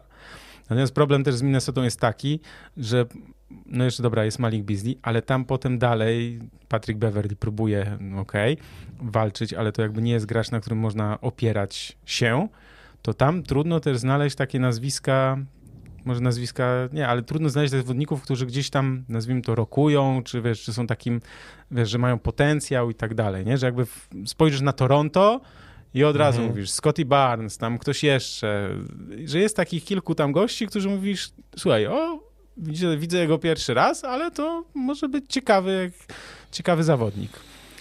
Natomiast w Minnesocie przynajmniej, jest coś, tym problem. coś tam się zaczęło dziać. No tak, grająca Minnesota jak w tym meczu z Miami, to, to jest drużyna na playoffy, aczkolwiek mam wrażenie, że nie będzie to niestety wyglądało tak przez cały sezon zasadniczy, ale Ale na play-iny? Na play-iny, może na zachodzie ten zachód w tym sezonie taki nie za mocny. Tej, na, na play-iny jest szansa. No. Y, tej nocy mieliśmy więcej niespodzianek. Mhm. E, wspomnijmy o tym, że a, to wypuścimy teraz sobie materiał o e, Kailu Kuzmie zaraz, bo czekaj, bo Wizards z Pelicans przegrali 102 do 127, e, więc no i tak, Washington Wizards, których ostatnio chwaliliśmy bardzo, mhm. E, w tym meczu totalnie im nic nie wychodziło. 22% rzutów za 3 punkty. To tylko trochę lepiej niż reprezentacja Polski w meczu z Izraelem. 19 strat. E, i pudła z osobistych. No i w takim stroju przyszedł e, Kyle Kuzma. co też wywołało spory odzew w mediach społecznościowych. I teraz tak. Znaczy, ja muszę, żebym nie zapomniał, ten sweter jest niepraktyczny, bo. bo ja się zastanawiam, co się z tymi rękawami robi. Podwija się, ale nie, wiesz, ja ci powiem tak, jest bardzo praktyczny, bo jak ci się skurczy w praniu, to nadal będzie dobry. Tak, no oczywiście żartów było mnóstwo, e, z tym, że tam nie wiedziałem, że można kupić za duży sweter na koszykarza i tak dalej. Jeszcze taki różowy. A i pozdrawiamy też Make Life Harder, którzy ostatnio tam yy, yy, udało się niestety uprać sweter do rozmiarów, że wiesz, się zrobił yy, XXXXS, więc jakby następnym razem trzeba kupić sweter od Kyla Kuzmy. No. E, słuchaj, no ale właśnie o to chodzi, że tak, bo ja też czasami sobie na Twitterku żarciki robię przeważnie z e, Russella Westbrooka, bo on jest ikoną mody, nazwijmy to, w tej chwili w NBA. Russell Westbrook, tak? Russell Westbrook. Mhm, mhm. natomiast, e, natomiast przy okazji tego, bo tutaj była jednak spora, znowu sporo, mnóstwo dyskusji i, i małych wojenek twitterowych, e, to, co na mnie zrobiło wrażenie, że jednak niektórzy zbyt poważnie to traktują. Znaczy, wiesz, w, gdzie ten świat podąża i oczywiście kiedyś to było, w latach 90. to było. A, no, my, tu, my kombatanci, my kombatanci, I po prostu, weterani, słuchaj, słuchaj, to jest entertainment. To ma być fan. Moda tak samo. I teraz wystarczyło wejść na. Ja nie wiem, czy ja to muszę tłumaczyć, bo wydawało mi się to oso- o- oczywiste. Natomiast jeśli ktoś nie wie, no wystarczy wejść na mm, Instagram e, Kuzmy i tam oprócz tego zdjęcia są poznaczane. Raf Simons chyba się ten projektant mody nazywa, który stworzył ten sweter. No wiadomo, że przecież Kajl Kuzma nie poszedł do sklepu i nie kupił takiego swetra, e, tylko. E, to, to, wejście od samochodu do szatni to jest też okno wystawowe i mini e, pokaz mody i mega reklama dla e, takiego e, projektanta mody, 10 razy lepsza niż e, Fashion Week w Paryżu. Więc naprawdę wszystkie, uspokajam wszystkich e, spokojnie, spokojnie. Poza tym, Boże, nawet jakby sobie kupił taki sweter, to niech sobie chodzi. E, I, I jeszcze jedno. Mhm. Masz różową koszulę jakąś? Łososiową, jeśli już. Ja, ja mam dwie, ja nie... ale też sobie tak pomyślałem, bo też było, że, że oprócz tego, że za duży i te rękawy niepraktyczne, to że różowy. No i tak sobie myślę, że Jezu, 30 lat temu pewnie tylko na pokazach mody właśnie gdzieś tam w migawkach w Teleekspresie można było zobaczyć yy, faceta ubranego w różowy kolor, natomiast dzisiaj na, to na nikim nie robi wrażenia. Więc yy, jakby... Byłem kiedyś na weselu a propos różowych koszul i fotograf zbierał wszystkich, wiesz, tak, do, żeby zdjęcie zrobić i mówi, no tutaj tam, pan jeszcze tutaj, y, pan tutaj, pan, pan, pan tutaj w prawo, jeszcze troszeczkę w lewo tam i tak dalej. Pan tu w różowej koszuli, jeszcze tutaj troszeczkę w, w prawo i ten gość, wiesz, tak, łososiowej. No, może być łososiowa. Ten sweter był e, różowy i... Mm, Zostawmy Kyla Kuzmę Tak, ja tylko powiem w sensie jeszcze mój ulubiony cytat yy, taki życiowy, w sensie w takich sytuacjach oczywiście, tak? Nie traktuj życia zbyt poważnie, bo cię to wykończy. No i jakby, przepraszam, że pojechałem, poleciałem Paulo Coelho i, i tak dalej, ale... Niektóre stylów, my jesteśmy starymi dziodami, trochę boomerami, natomiast niektóre stylówki... Trochę?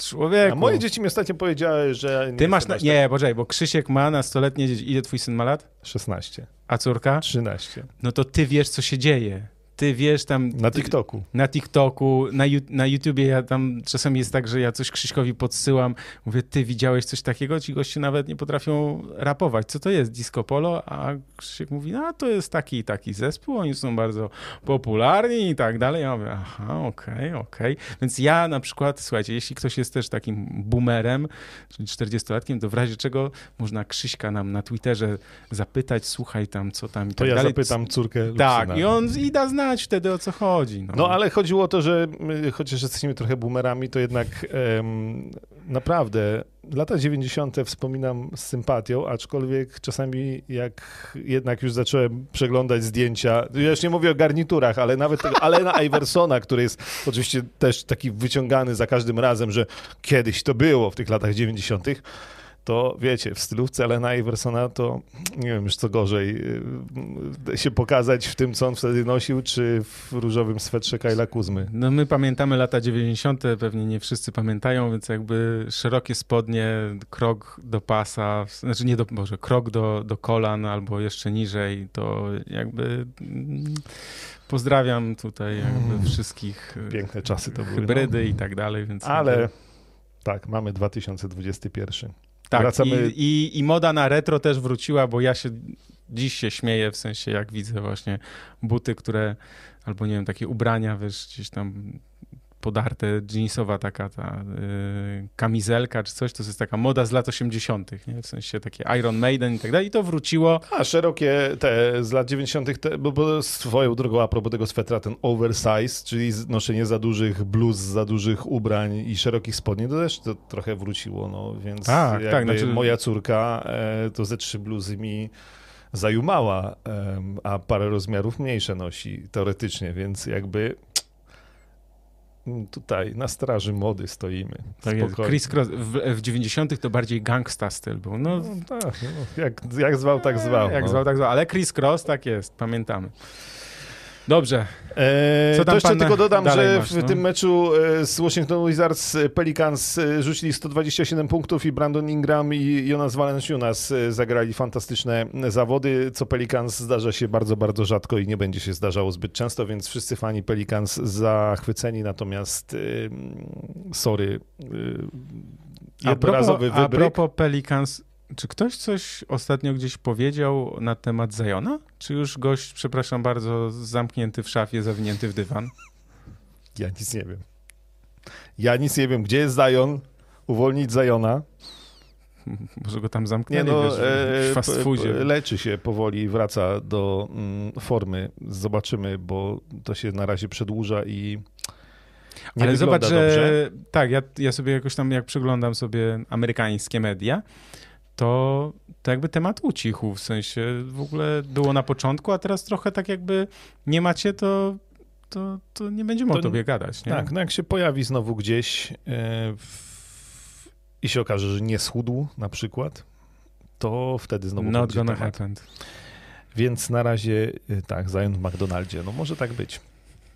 E, niespodzianek tej nocy było więcej, tak jak wspominaliśmy o Minnesocie, która wygrała z Miami mówiliśmy, o Pelicans, którzy wygrali z Wizards mówiliśmy. Powiedzmy o Houston Rockets, którzy pokonali Chicago Bulls.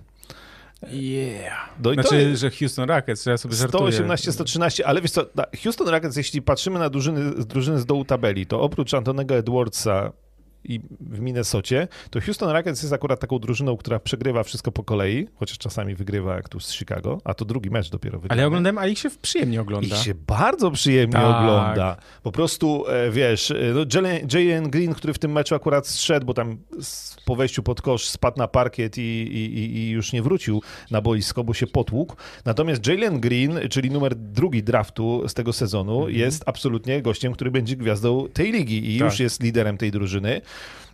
no i oczywiście jest y, też y, człowiek, o którym ja wspominałem, jako, jako ten, który czasem komentuje turecką koszykówkę, czyli Alperen Şengün, jeden z młodych, młodzieży tureckiej, e, która pojawiła się ostatnio w NBA, 16 numer draftu, też, e, też świetnie się nam spisuje. Oczywiście Christian Wood, paru weteranów, Eric Gordon, też... Jak on się musi czuć w tej drużynie, to jest po prostu... Tak, no ale DJ Augustyn i Kenyon Martin Jr.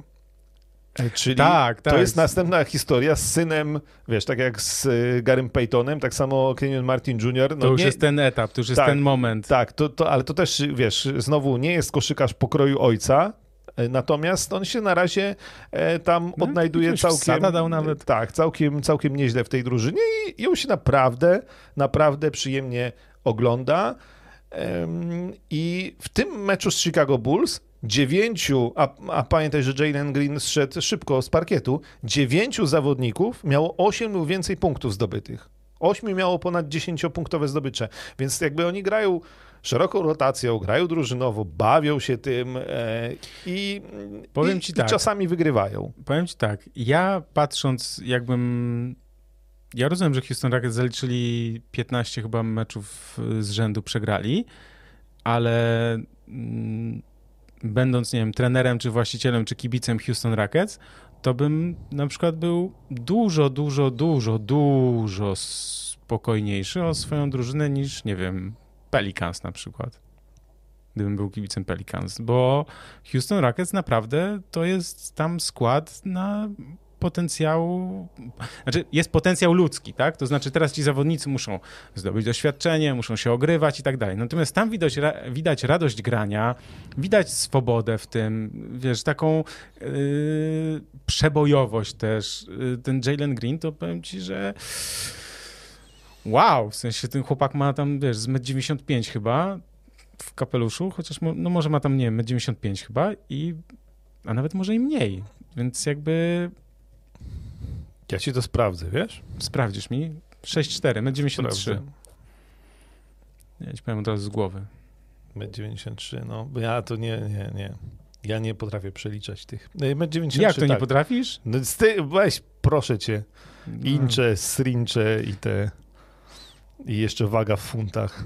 No, waga w funtach powiedzmy tam... Ten, w Chicago byłem kiedyś w polskim sklepie. Polskim sklepie z polską kiełbasą i mówię pół kilo jakiejś tam kiełbasy i ta pani Polka po polsku e, pyta się, ale nie, w funtach ile to muszę powiedzieć. Może pracuje tam 20 lat i jakby no i... nie pamięta już. No, no. Wiesz, no. Tylko więc... tam Amerykanie to wiesz, zawyżają, więc ja mam ten problem z tym wzrostem, bo ja też, mi też wpisali 6,4, a ja wiesz, 1,91 m i to tak, no dobra, 1,92 m w, w butach, nie? A, a mi mm. wpisali 6,4, więc ja tu zawsze jest tak bo to ani 6-4, ani 6-3, no więc jest, wiesz, zawsze jest taki problem. No. Yy, tak, yy, problem Houston Rockets, bo tutaj na, zaraz, bo już mi muszę w, zerknąć na, kto to napisał, a, ktoś, kto ma Nick Basket, plotki o zwolnieniu Sailasa chodzą. Ja nie wiem, jeśli tak, to ja bym się dziwił. Znaczy, czego my oczekujemy po Houston Rockets w tym sezonie, no z takim składem? No moim zdaniem właśnie tego, żeby e, się ogrywali, rozwijali no, ci zawodnicy, no, ale, zaraz, gra, ale niech oni się ogrywają. Lepiej, żeby lepiej, żeby, wiesz, jednak byli w dole tabeli, bo znowu się jakiś pik wysoki w drafcie weźmie i można, można budować. I pamiętajmy o jeszcze jednej rzeczy. John Wall. Tak, Jan Ściana, czy Jan Moore, John Wall jest cały czas do wzięcia i... Z jego kontraktem no, razem. No dobra, ale wiesz, to co też no. mówiliśmy, tak? W NBA jest problem taki, to ten sam problem z, co z Benem Simonsem, czy każda inna drużyna, która myśli o pozyskaniu jakiegoś zawodnika, no to nawet mając pieniądze, nie może tak jak w Europie sobie po prostu kogoś kupić z lepszej ligi, tylko no, musi wziąć te, z tego, co tam jest w tym NBA tak, teraz. Znaczy to kupić, ale wiesz, to kupujesz, ale później możesz sobie z nim uzgadniać kontrakt, a John Wall ma już kontrakt uzgodniony i ten kontrakt wędruje z nim, no chyba, że opcja wykupu, ale to raczej nie wchodzi w rachubę przy takim kontrakcie. Więc. Y, hmm. Wiesz co, jak.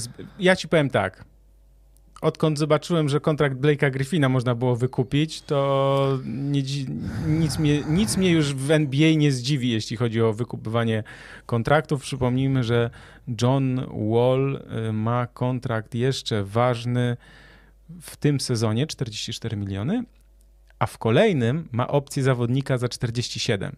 No, czyli to jest 90 baniek za dwa lata za gościa, który... No, ale tak. Po... A, jeszcze masz 15% trade kicker, ale to chyba już poszło przy okazji Waszyngton-Houston.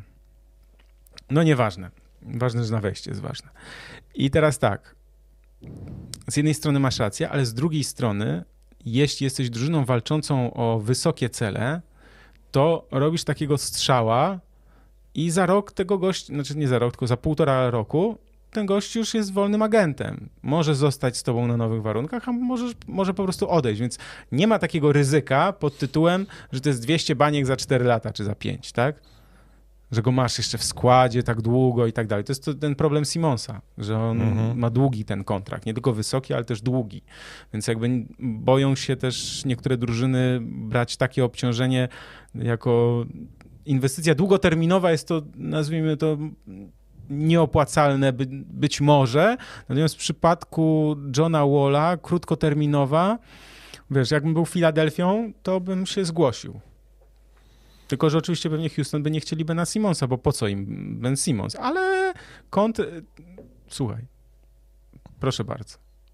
y, pamiętajcie, po 15 grudnia może się nie, mogą się jakieś transfery wydarzyć, y, bo wcześniej zbyt wielu zawodników, to co mówiliśmy mm, poprzednim razem, jeśli ktoś nie słuchał, to tylko podpowiem, że część zawodników, która podpisywała kontrakty, czy była wymieniana, może zostać teraz wytransferowana dopiero po 15 grudnia, a druga grupa po 15 stycznia. Więc jakby transfery, dlatego teraz nie ma transferów, ponieważ ta lista zawodników, którzy mogą być wytransferowani, jest po prostu krótsza, a tu chodzi o to, że zawsze ktoś tam uzupełnia taki transfer, tak? Mówimy o jakimś tam większych transferach.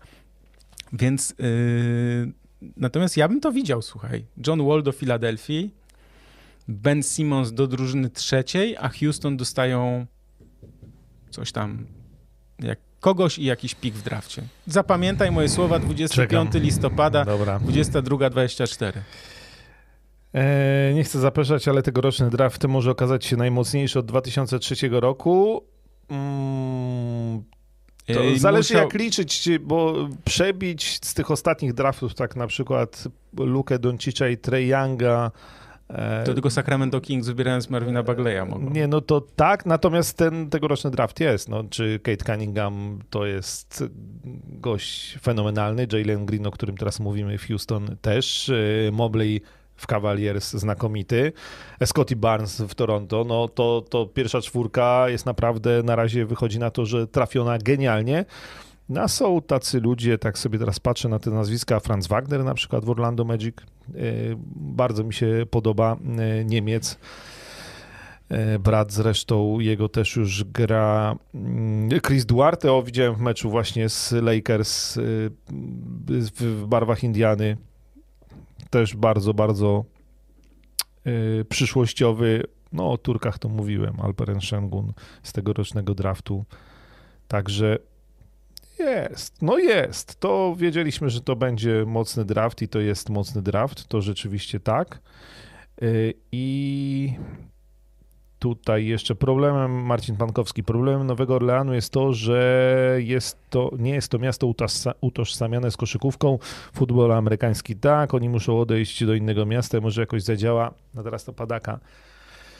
Tego nie, wiecie co, to jest też taki problem, że też nie mamy takiej wiedzy trochę, w sensie to jest taka trochę wiedza tajemna dla tych, którzy żyją i mieszkają w Stanach Zjednoczonych, w sensie takim, że wiedzą po prostu, też znają dobrze te inne sporty, bo nie da się tam nie wiedzieć dużo też o, nie wiem, NFL, NHL i MLB tak? Więc jakby o baseballu i o hokeju, więc mm, rzeczywiście my patrząc tylko na NBA, to czasem pewnych rzeczy nie wiemy, możemy nie wiedzieć. No, wiecie, na pewno są takie rzeczy jak bardzo przyjemnie jest grać w Los Angeles, bardzo przyjemnie jest grać y, w Nowym Jorku, bo to jest centrum wszechświata, czy centrum świata, można tak powiedzieć, biznesowego szczególnie, ale jest tam zimno.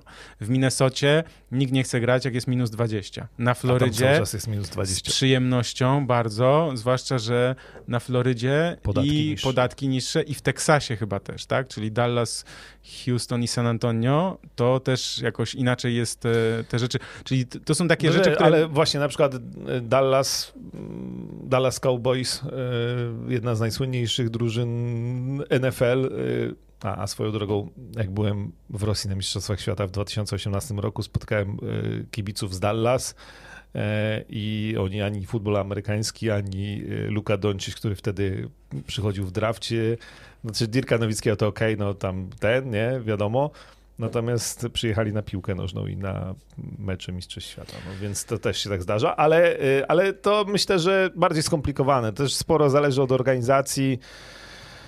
Wiadomo, że ten rynek też jest ważny, ale, ale... No wiecie, to, trzeba pamiętać też to, że nie wiem, Charlotte też miał bardzo y, trudny czas, w sensie Michael Jordan jak przyszedł, przecież to byli, to byli, y, Boże, tak, tak tak pokrętne te drużyny, w sensie, bo Charlotte tak. Hornets... W Karolinie to tam Poczekaj, ale chyba, czy nie było no. tak, teraz ja mówię z no. głowy, no. czy nie było tak, że Charlotte Hornets się przenieśli do y, Nowego Orleanu, a potem był ten huragan i był ta, New no Orleans... Były, ta, no były Pelicans Har, i... Inaczej, Hornets zamienili się w Pelicans, tak. potem powstała drużyna Charlotte Bobcats, Tak, i później Pelicans oddali y, jakby, z, y, znaczy... Pelicans się za, stali się Pelicans, a Bobcat tak, stali się no Hornets. Bo oczywiście Hornets z Nowym Orleanem nie miało nic wspólnego, więc no, tak, tak, tak, tak, dobrze. Ale i też Michael Jordan miał ogromny problem tak. z, a, i nie bez powodu, bo to co chcę powiedzieć, nie bez powodu ta drużyna się z Charlotte wyprowadziła, tak, więc jakby ten, ale oczywiście, no liczymy, że tak jest, właśnie zobaczyłem dawać ich do Seattle, tylko czekałem na ten komentarz, tak. dawać do Seattle, kogo, znaczy... W... Dobra, Yy, mówisz... Sacramento, Portland, tak? Czy coś jeszcze? Boże, tylko e, jednym słowem Chicago Bulls, który przegrali z Houston Rockets spokojnie. E, tak, żarty... Był tu jakiś komentarz, że ktoś napisał, przepraszam, nie pamiętam kto, napisał, że e, ponieważ Chicago teraz przegrali ostatnie dwa mecze z Indianą u siebie w fatalnym stylu, 40 chyba 30 mecze na 4 dni, e, więc jakiś taki mieli... No pytanie, czy to jest już początek padli, kryzysu, czy nie? Nie, myślę, że padli z wycieńczenia Fizycznie, no. i tak. Wrócił Nikola Vucevic i, i fatalnie pudłował w tym meczu. E, też no, słaby mecz DeRozana, tak naprawdę. To się Ball, będzie zdarzać. Tak, 82 no, mecze, przypominam. Więc, e, więc spokojnie, natomiast yy, Sacramento Kings no tak. tutaj już, ja nie wiem dlaczego ci ludzie chcą o Sak A, bo w tytule jest, że Sacramento. No, no, no. pomóż Sacramento. Dobra, Sacramento Kings wygrali tej nocy z Portland Trail Blazers 125 do 121, mimo że Lillard rzucił 32 punkty, Nurkic rzucił 28 punktów. E, to ekipa z Kalifornii okazała się lepsza i to w sumie trochę zaska- czy bardzo zaskakujące, ale my generalnie trochę więcej o Sacramento powiemy, bo to był pierwszy mecz pod wodzą nowego trenera. I teraz pan powie, co się stało w Sacramento. Nie, to pan powie, co się stało w Sacramento. No, Sacramento zwolnili Luka Waltona po ponad dwóch latach. E, niektórzy twierdzą, że zbyt późno. Znaczy, prawda jest taka, że. To poczekaj, było... ja zrobię wstęp. Ja zrobię no. wstęp. Sacramento Kings ostatni raz grali w playoffach kiedy? W 2006 roku. Zajęli wtedy ósme miejsce na zachodzie i odpali w pierwszej rundzie z San Antonio Spurs 2 do 4.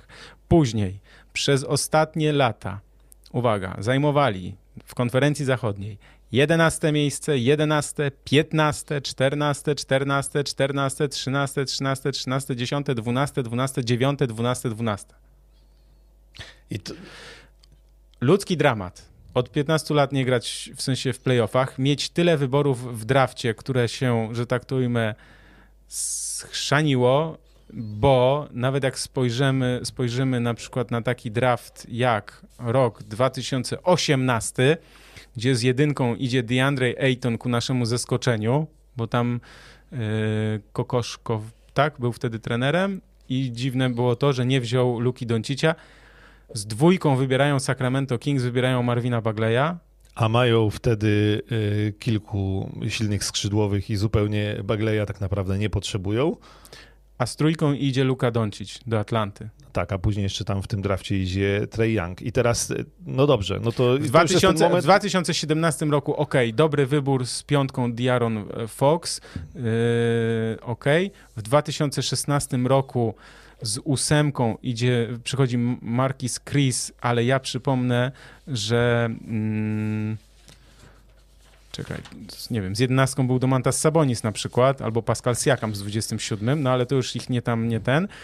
W 2015 roku z szóstką wybierają Willie Collisteina, który okej, okay, miał jakiś tam potencjał, ale Devin Booker był, ale Devin Booker był przede wszystkim, był też wiesz, no Miles Turner, nawet jeśli chcieli, nie wiem, centra. Każda drużyna popełnia błędy czasami w drafcie, natomiast e, Sacramento Kings popełniają te e, błędy właściwie co roku. Tak. To, do, o czym jakby no bo dobra, możemy się nad nimi znęcać, że ktoś tam z niższym numerem zrobił karierę, to wiadomo, wszyscy są później mądrzy. Natomiast ten 2018 rok to była rzecz absolutnie no, kryminał, jak to się ładnie mówi. I do tego pamiętajmy, że wtedy e, generalnym menedżerem Sakramentu był Vlade Divac, a więc gość, który teoretycznie powinien najlepiej wiedzieć, jaki kaliber zawodnika Luka Doncic, jakiego kalibru zawodnikiem jest.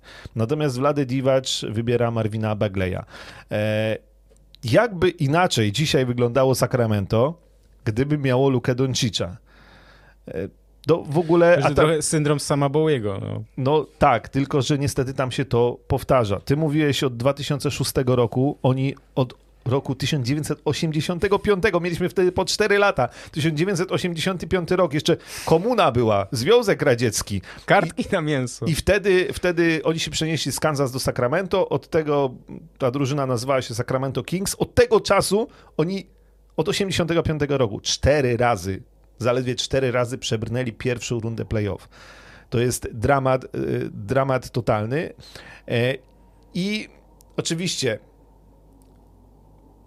jedna rzecz to są drafty, które pokazują, że tak naprawdę co roku popełniają błędy i podejmują zupełnie niezrozumiałe decyzje. Druga to są transfery. To, że nawet jeśli trafia im się ktokolwiek sensowny, to nie są w stanie wokół niego zbudować drużyny. E, I mm, zdarzają się takie sytuacje, jak chociażby z Bogdanem Bogdanowiczem, który tak naprawdę odszedł za darmo e, w tamtym roku. To też kryminał. Więc, yy, a, a, więc... Jeszcze, pamiętasz, jeszcze pamiętasz transfer Demarcusa Kazinsa, bo oni w, po latach, dobra, wybrali w drafcie Kazinsa, to no wykręcał świetne statystyki, natomiast no, nie potrafił prowadzić drużyny do zwycięstwa. To jest też niestety taki znany, też znana przypadłość wielu zawodników. I oni go wymienili, yy, pamiętasz, za Badiego Hilda, yy, tak było, i padło takie stwierdzenie, że owszem, mogli uzyskać więcej, ale, ale zdecydowali się na taki ruch. Znaczy, to było jakoś tak pokrętne, ja teraz trochę to z głowy, w sensie z głowy mówię, nie pamiętam dokładnie jakie słowa padły, ale po prostu, wiesz, no no coś jednak yy, tam się dzieje złego.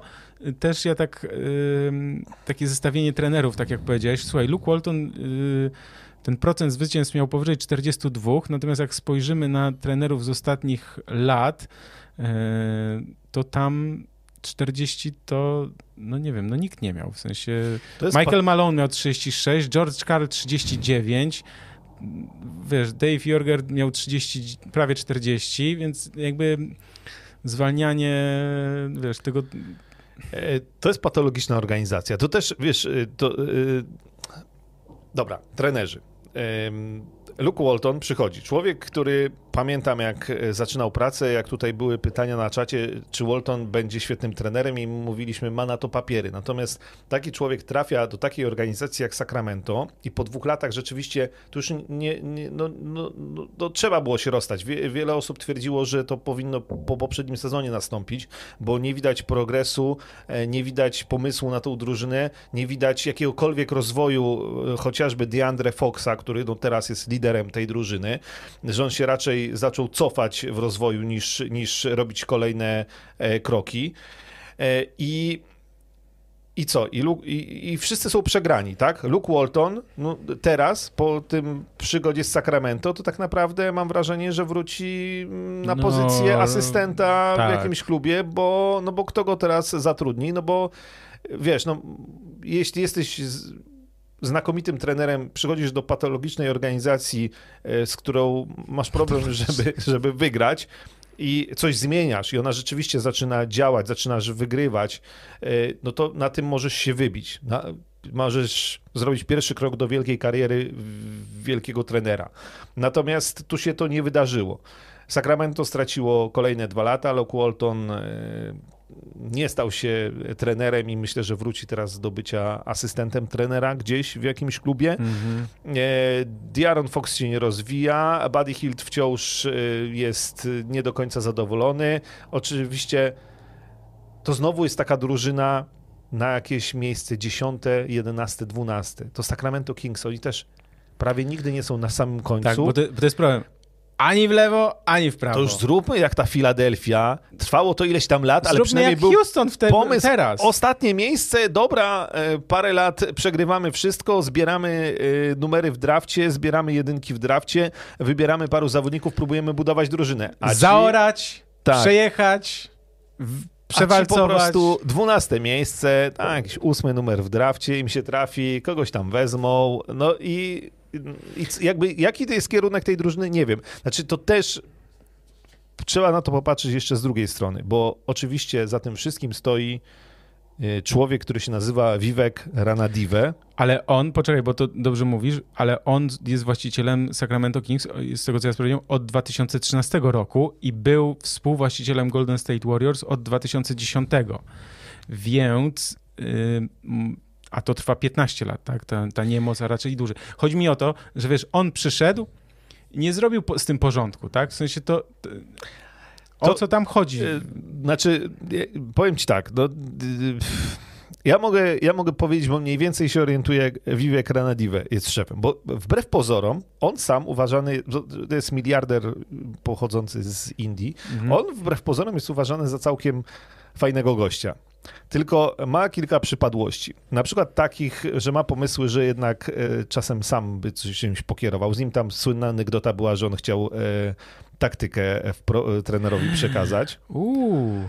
Natomiast generalnie zatrudnia złych ludzi i za zbyt długo im ufa. I jakby e, przykład Wlade Diwacza, który powinien zostać zwolniony dyscyplinarnie po tym drafcie 2018, mhm. a przecież jeszcze były kolejne dwa lata. No, Divac odszedł w tamtym roku z Sacramento, a wcześniej przedłużyli z nim kontrakt o kolejne trzy lata i, i jednak zdecydowali się rozejść.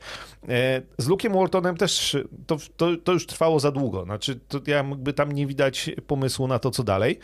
E, natomiast sam Rana Divet, pamiętajmy, że on po przyjściu, po kupieniu Sacramento Kings e, wybudował halę nową, doprowadził do, no oni mają obiekt otwarty chyba w 2016, mhm. jest nowa hala, on tam wiesz, działa... Sacramento, na... przepraszam, jeszcze powiem, prze, przepraszam, że ci przerwałem, Sacramento w ogóle, wiesz, miasto w Kalifornii, no a nie, wiesz, a nie w Minnesocie, mm. tylko po prostu miasto w Kalifornii, w którym się podobno fajnie i przyjemnie żyje, bardzo przyjemne no, do budowania, tak, że masz argumenty, masz atuty, jesteś w Kalifornii, dobra, wiadomo, że Los Angeles, ale wiesz, powinieneś mieć też magnes taki właśnie na przyciąganie y, zawodników. Tam był dobry komentarz, ktoś napisał właśnie, że że błędem było y, zatrzymanie Hilda i, i, Barnesa, kiedy oni mieli jeszcze jakąś wartość, tak, bo inwestowanie w Hilda jest jakieś takie, jak masz Diar, y, Diarona, znaczy Foxa, masz, masz teraz Helibardona, no to ten Buddy Hill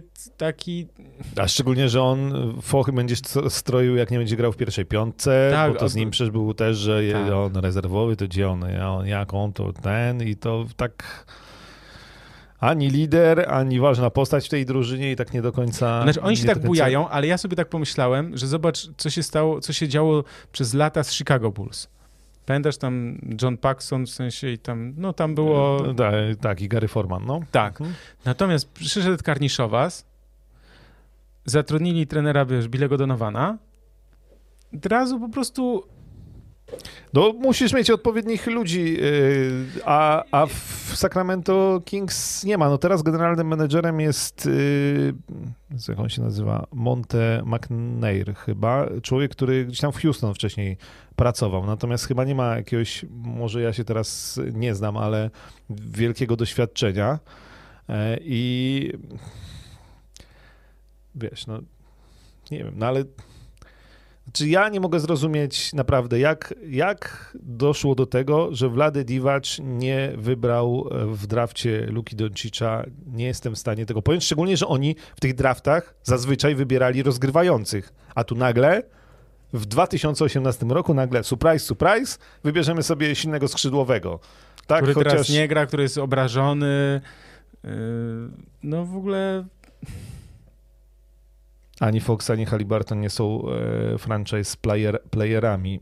E, tutaj mamy na e, na naszym czacie. Co do Halliburtona to się zgadzam, co do Foxa to niestety coraz bardziej też się zgadzam. Ja mam, ja mam wrażenie, że on naprawdę, on się cofa w rozwoju, że on doszedł w pewnym momencie, był taki moment w tamtym sezonie, pamiętam, że ja też się leciutko zajarałem Sacramento, oni mieli taką serię mieli, tak, wygranych, tak, gdzieś tam mhm. zbliżyli się do play-in, no i to wszystko padło, nie? I że nawet momentami właśnie tą trójkę Halliburton, Fox, Hilt się całkiem przyjemnie oglądało. Natomiast, natomiast... Słuchaj, tam był, przepraszam, tak teraz sobie googlam, tam nawet Chief Strategy Officer był Joe Dumars. Był, po Wlady Diwaczu zaraz chyba, mi się wydaje, że on objął Też go pogonili. funkcję, tak. Y, ja powiem tylko taką, y, znów polecę mądrością życiową, ale ona się tutaj no, sprawdza czy potwierdza mądrego szefa poznać po tym, że zatrudnia mądrzejszych od siebie. Mądrzejszych od siebie w danym obszarze, tak? I że ich słucha, że daje im pracować, że wie, że skoro zatrudnił najlepszych, to czy, czy dobrych, takich za takich uważa, to ponieważ ktoś się czymś zajmuje, to powinien wiedzieć, co robi. Ma w tym doświadczenie, w tego i tego człowieka inwestuje, tak? Natomiast w momencie, kiedy masz szefa, który zna się na wszystkim i będzie trenerowi skład układał na przykład drużyny, albo yy, rysował, takie taktykę proponował, no to to jest, to są... Nie, no właśnie, to, to, to jest niepojęte, bo, no bo sam, sam Wiwek to właśnie raczej taki analityczny umysł, E, no to wiesz, tym bardziej powinien zrobić wiesz, tam Moneyball w Sacramento zawsze, Kings, wiesz, zawsze mnie tu, to tam i tak zastanawia, dalej, wiesz, no. ci ludzie, którzy w biznesie doszli do e, ciężką pracą, do wielkich miliardów i zarządzają czasami ogromnymi e, korporacjami, nagle kupując sobie klub NBA stają się Wiesz co, puszczają trochę... wodze fantazji, to jest tak zwana łańska fantazja, poza tym to jest też takie przekonanie, wiele, wiele osób ma też takie przekonanie, stary sky is the limit, znam się na wszystkim. Wiesz, że to nie tylko w Polsce tak jest.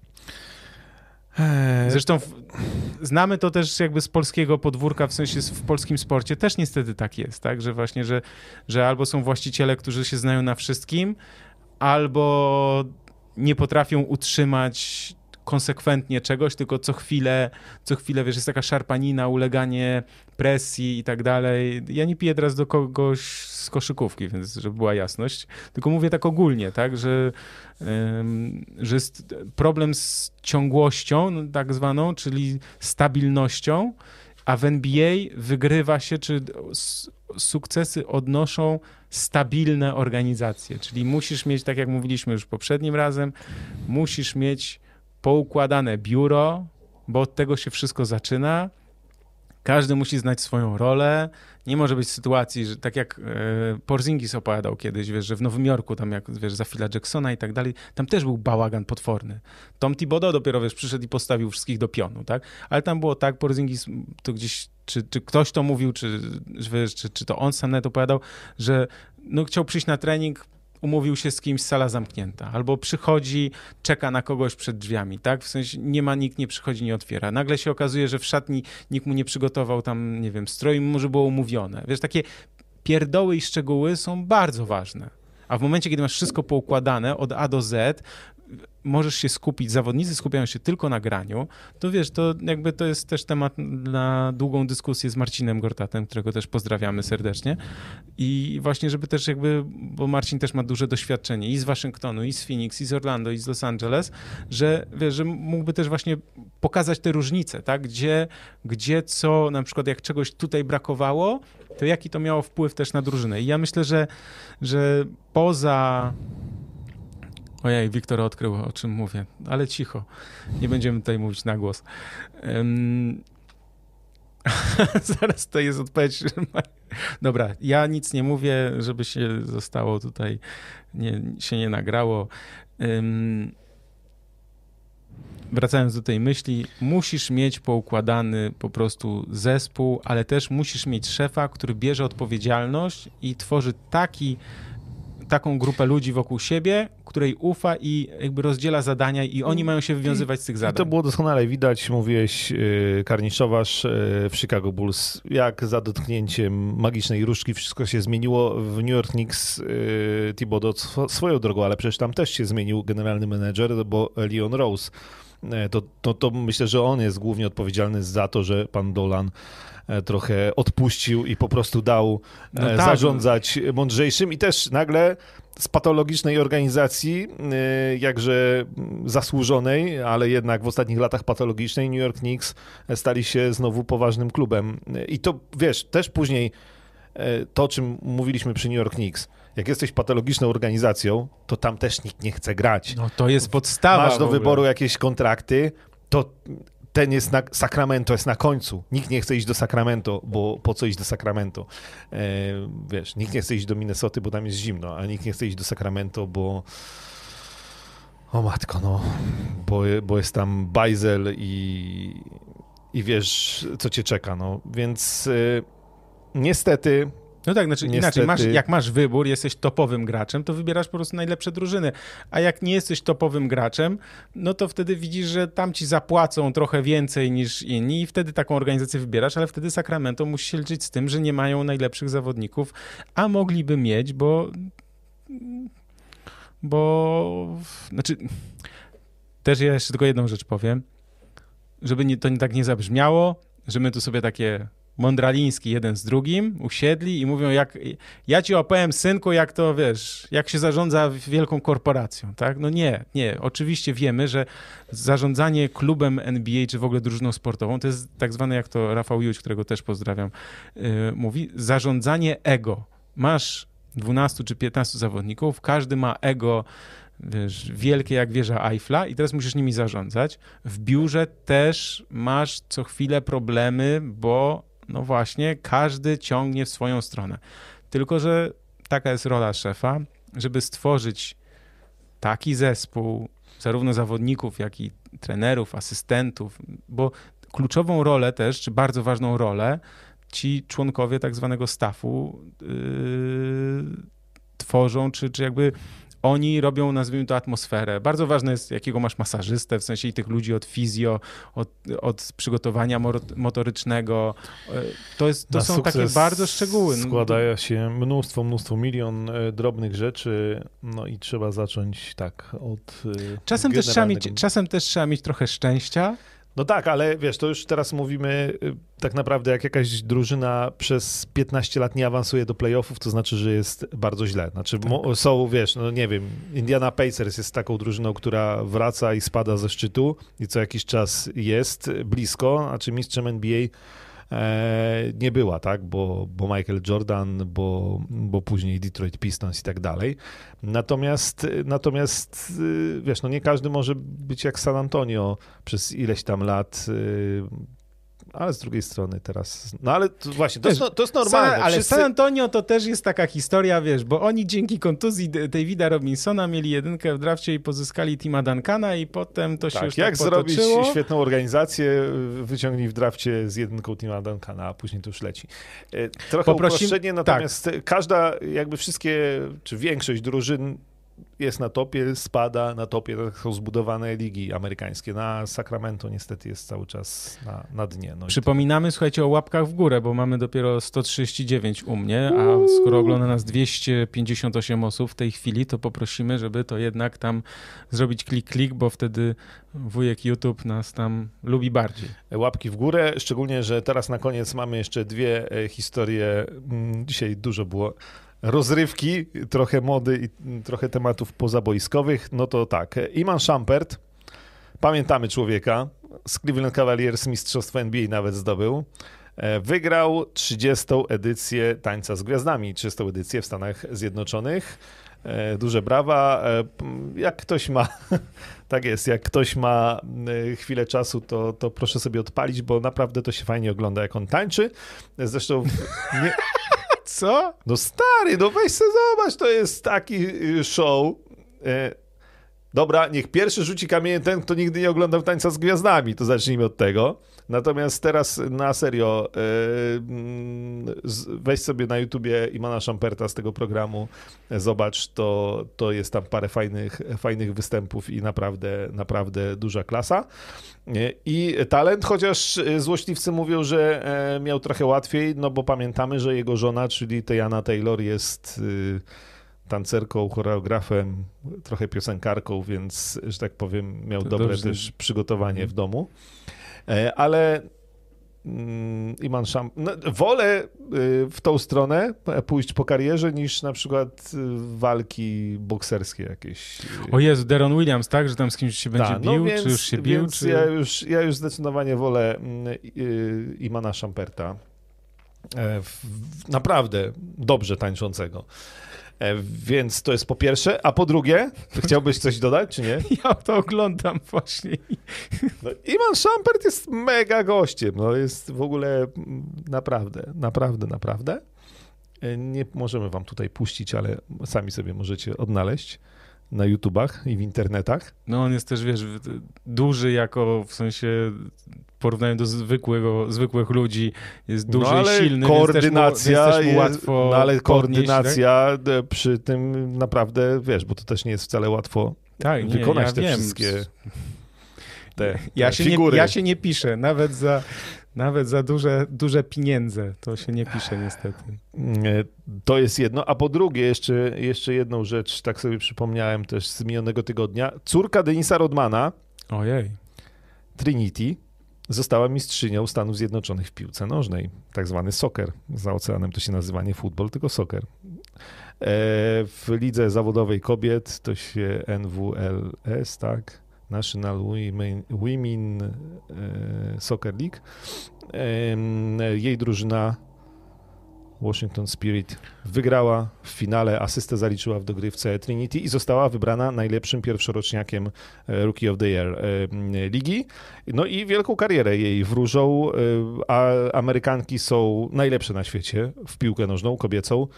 Więc, y, więc być może o Trinity Rodman jeszcze nieraz usłyszymy gdzieś na przykład podczas Igrzysk Olimpijskich, jak z reprezentacją Stanów Zjednoczonych będzie wygrywać. Y, no i przy okazji to było w meczu półfinałowym. Denis Rodman pojawił się na trybunach y, i, i był dosyć taki emocjonalny wpis Trinity, że no ojcem to on był raczej mizernym i relacje ich były zawsze raczej słabe, bo on się tam nie za bardzo nią interesował. Natomiast na koniec on jest jej ojcem, ona jego małą dziewczynę dziewczynką i tak już zawsze zostanie, więc no. how sweet, mm, tak się pięknie kończy, więc Trinity Rodman, wschodząca gwiazda kobiecej piłki nożnej, Iman Schampert, wschodząca gwiazda tańca gwiazdami, towarzyskiego. Tak, więc yy, no i zbliża się 23, więc... Ale spokojnie, bo ja aha, mam jeszcze aha, dużo, aha, ja mam jeszcze dużo niestety, także zostańcie, nie. nie. odchodźcie. A ja myślałem, że do koniec, no. Nie, jeszcze musisz zostać, yy, bo tak, nie powiedziałem o tym, ale to zostawiam wam w takim razie lekturę, znaczy, bo nie przegadaliśmy tego tekstu, mimo że ja go chciałem przegadać bardzo, ale tu Krzysiek mnie zagadał, bo ja napisałem taki tekst dwa dni temu, o tym, że Warriors są najlepsi, a Nets i Lakers są najgorsi. A dlaczego myśmy o Warriors nie rozmawiali? A, bo nie, nie grali? Grali z Filadelfią, wygrali. A. Ale no nieważne, no słuchaj. Do, no. I ja napisałem taki tekst, bo dzięki temu, że Marcin, który prowadzi profil Crazy Stats, który też polecamy, yy, pomógł mi wyciągnąć takie rzeczy jak punkty spod kosza, spod samego kosza. I okazuje się, że Golden State Warriors rzuca, rzucają 11 punktów więcej spod kosza niż rywale w meczach, wiesz, takich bezpośrednich i tak dalej. I ja tutaj napisałem taki dłuższy wywód, za chwilę podrzucę na czacie i chciałem to po prostu polecić, że po prostu chodzi o to, że Golden State Warriors to nie tylko drużyna odrzucania trójek, ale ta broń, jaką są trójki, jaką jest Stephen Curry, umożliwia im przede wszystkim dobrą dobrą, nie wiem, utrzymywanie tempa gry, dobrą wymianę podań, e, często otwieranie się właśnie możliwości do zdobywania punktów spod kosza, ale też trzeba zapamiętać, że Golden State Warriors dzięki znakomitej obronie i to jest, i to jest coś, czego Los Angeles Lakers powinni się uczyć, tam jest świetna obrona, mimo że nie mają przecież centrów za bardzo, tam jest, tam jest świetna yy, pomoc, rotacje, wszystko i tak dalej, wszystko idzie w tempie, oni kryją nawet taką strefą, trochę udawaną, wiesz, dwóch tam, jeden z przodu i tak dalej. I, Los i Golden State Warriors naprawdę już podrzucam, bo tak się spieszę i tak gadam i gadam, ale um, podrzucam ten tekst. Jeśli ktoś by chciał, słucha nas i chciałby sobie to znaleźć, to zachęcam, żeby wpisał, no na probaskacie będzie gdzieś wyraźne, ale Warriors są najlepsi, a Nets i Lakers najgorsi. Nie chodzi o rzuty za trzy punkty i Chodzi też o to, że najwięcej punktów z podkosza w ogóle zdobywają Houston Rockets, żeby była jasność.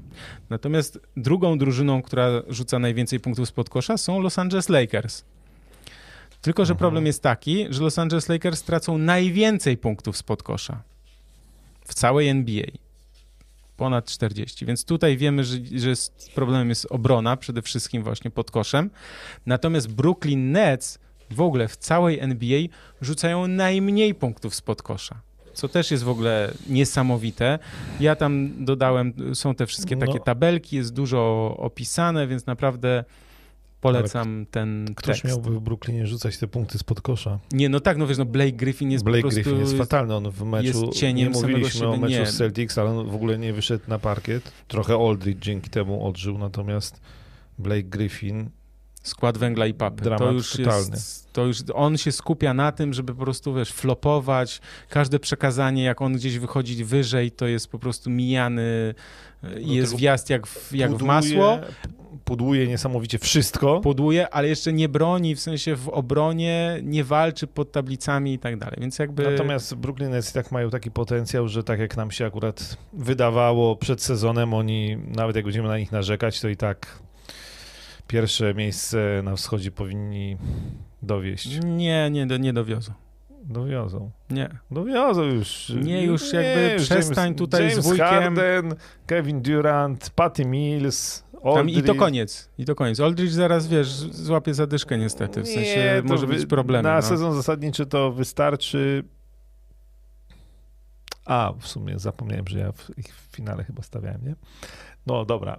E, Dobrze, kolejny Tak. temat to jest, pamiętajcie, ponieważ jutro, czyli w piątek, jest Black Friday, ale Black Friday już się zaczął na przykład w oficjalnym sklepie Nike i na ProBaskecie jest artykuł o tym, jak zrobić zakupy w oficjalnym sklepie Nike, żeby skorzystać ze zniżki 25%, ale ta zniżka jest też na produkty, które wcześniej były przecenione. Więc te ceny, które zobaczycie w oficjalnym sklepie Nike, tylko bardzo proszę klikać w link na ProBaskecie, bo dzięki temu, że jak wy coś kupujecie, to my tak naprawdę możemy sobie tutaj siedzieć i rozmawiać i nagrywać i się rozwijać. Także jeśli ktoś myśli o zakupach w oficjalnym sklepie Nike, to zachęcam, żeby na ProBaskecie też wrzuciłem na czat mm, ten artykuł, to żeby wszedł w ten artykuł i tam sobie kliknął, zobaczył też co dokładnie, jak to wygląda, mm, jak gdzie wpisać, wszystko i tak dalej. Wszystko jest opisane.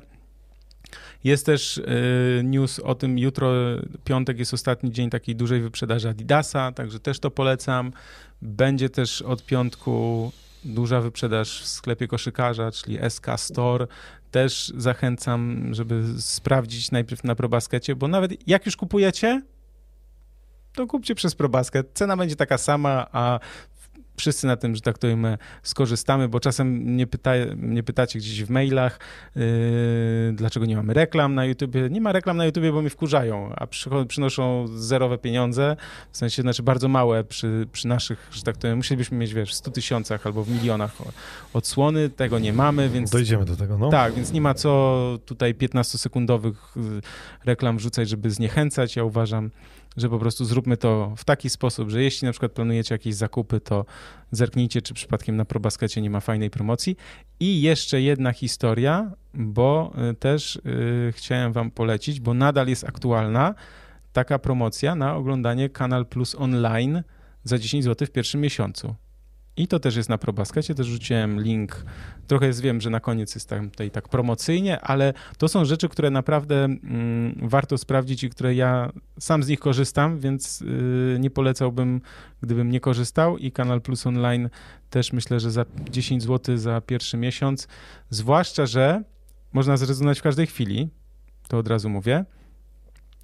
Y, To jest jedna rzecz. A druga rzecz, że przypominam, że zaraz będą w grudniu mecze świąteczne, noworoczne, potem jest Dzień Martina Luthera Kinga, sporo meczów o dobrych y, godzinach, także naprawdę mm, naprawdę w, y, polecam. No i oczywiście książki wydawnictwa SQN, które już reklamowaliśmy y, w zeszłym w zeszłym na, nagraniu, w sensie ostatnio, także też na Mikołajki, jeśli ktoś szuka, to warto sprawdzić. Tu już nie musicie żadnych linków klikać, możecie po prostu, ale polecamy, bo gdybyś miał polecić na przykład jedną taką książkę, Jeszcze nie, nie przeczytałem. Na pewno swoją drogą kibica Minnesota Timberwolves e, Łukasza Ceglińskiego, Pruszków Mistrz, e, na, na bank przeczytam, bo chociaż jestem ze Stalowej Woli, to wiadomo, dorastałem w tych czasach e, i, i Pruszków też do Stalowej przyjeżdżał. na mecze ekstraklasy. Natomiast e, poczekaj, poczekaj, bo tutaj nie ma wszystkich. Album, no nie ma wszystkich. Album... Moja, moja, moja biblioteczka jest zdecydowanie nie, większa. Nie, ale z tych nowych. A, poczekaj, no bo ostatni sezon Phila Jacksona wyszedł po polsku, więc to jest na pewno do przeczytania, bo to jest fenomenalna opowieść rozmowa z Włodzimierzem Szaranowiczem, także wątki NBA. Także dla tych, którzy chcą iść w kierunku dziennikarstwa, to myślę, że warto poczytać e, pana Włodzimierza. E, album na 75-lecie NBA to w ogóle pewniak e, tak zwany na, na Idealny święta. na prezent, na prezent. święta, na Mikołajki. Tak, więc, więc tutaj, a wiem, że się tłumaczy przez Michała Rutkowskiego Scottie Pippen. Na święta nie mhm. będzie, ale będzie w nowym roku i no... Mm-hmm, będzie ciekawie. Także SQN tak cały jest. czas yy, działa.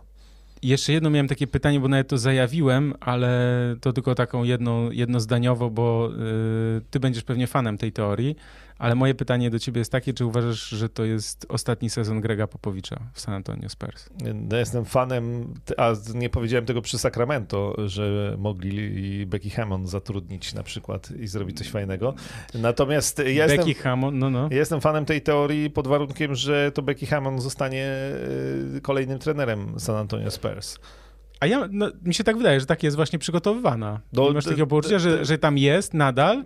Popowicz tylko musi ten sezon rozegrać i mieć tam Wiesz odpowiednio co, jak dużo nie zwycięstw. zobaczę, to nie uwierzę, no, ale prawda. chciałbym. E, generalnie chciałbym, bo w tym momencie to San Antonio to jakby ten sezon to jest na straty. To już jeszcze w tamtym coś można było e, próbować wnioskować, że może jest tam jakiś pomysł, w tej chwili to już nie ma żadnego pomysłu. No to jest San Antonio, które będzie głównie przegrywało w tym sezonie i nie wiem jakby jaki jest cel, więc mam nadzieję, że cel jest taki, że Greg Popowicz rzeczywiście przejdzie Przekaże. na emeryturę i Schedę. Becky Hammond jako pierwsza kobieta w historii poprowadzi drużynę NBA i to by było, to by było coś fajnego i to by była fajna historia. Dobrze. E, trzymamy się tej wersji. Myślę, że tak. Ja myślę, że tak się stanie. My się widzimy.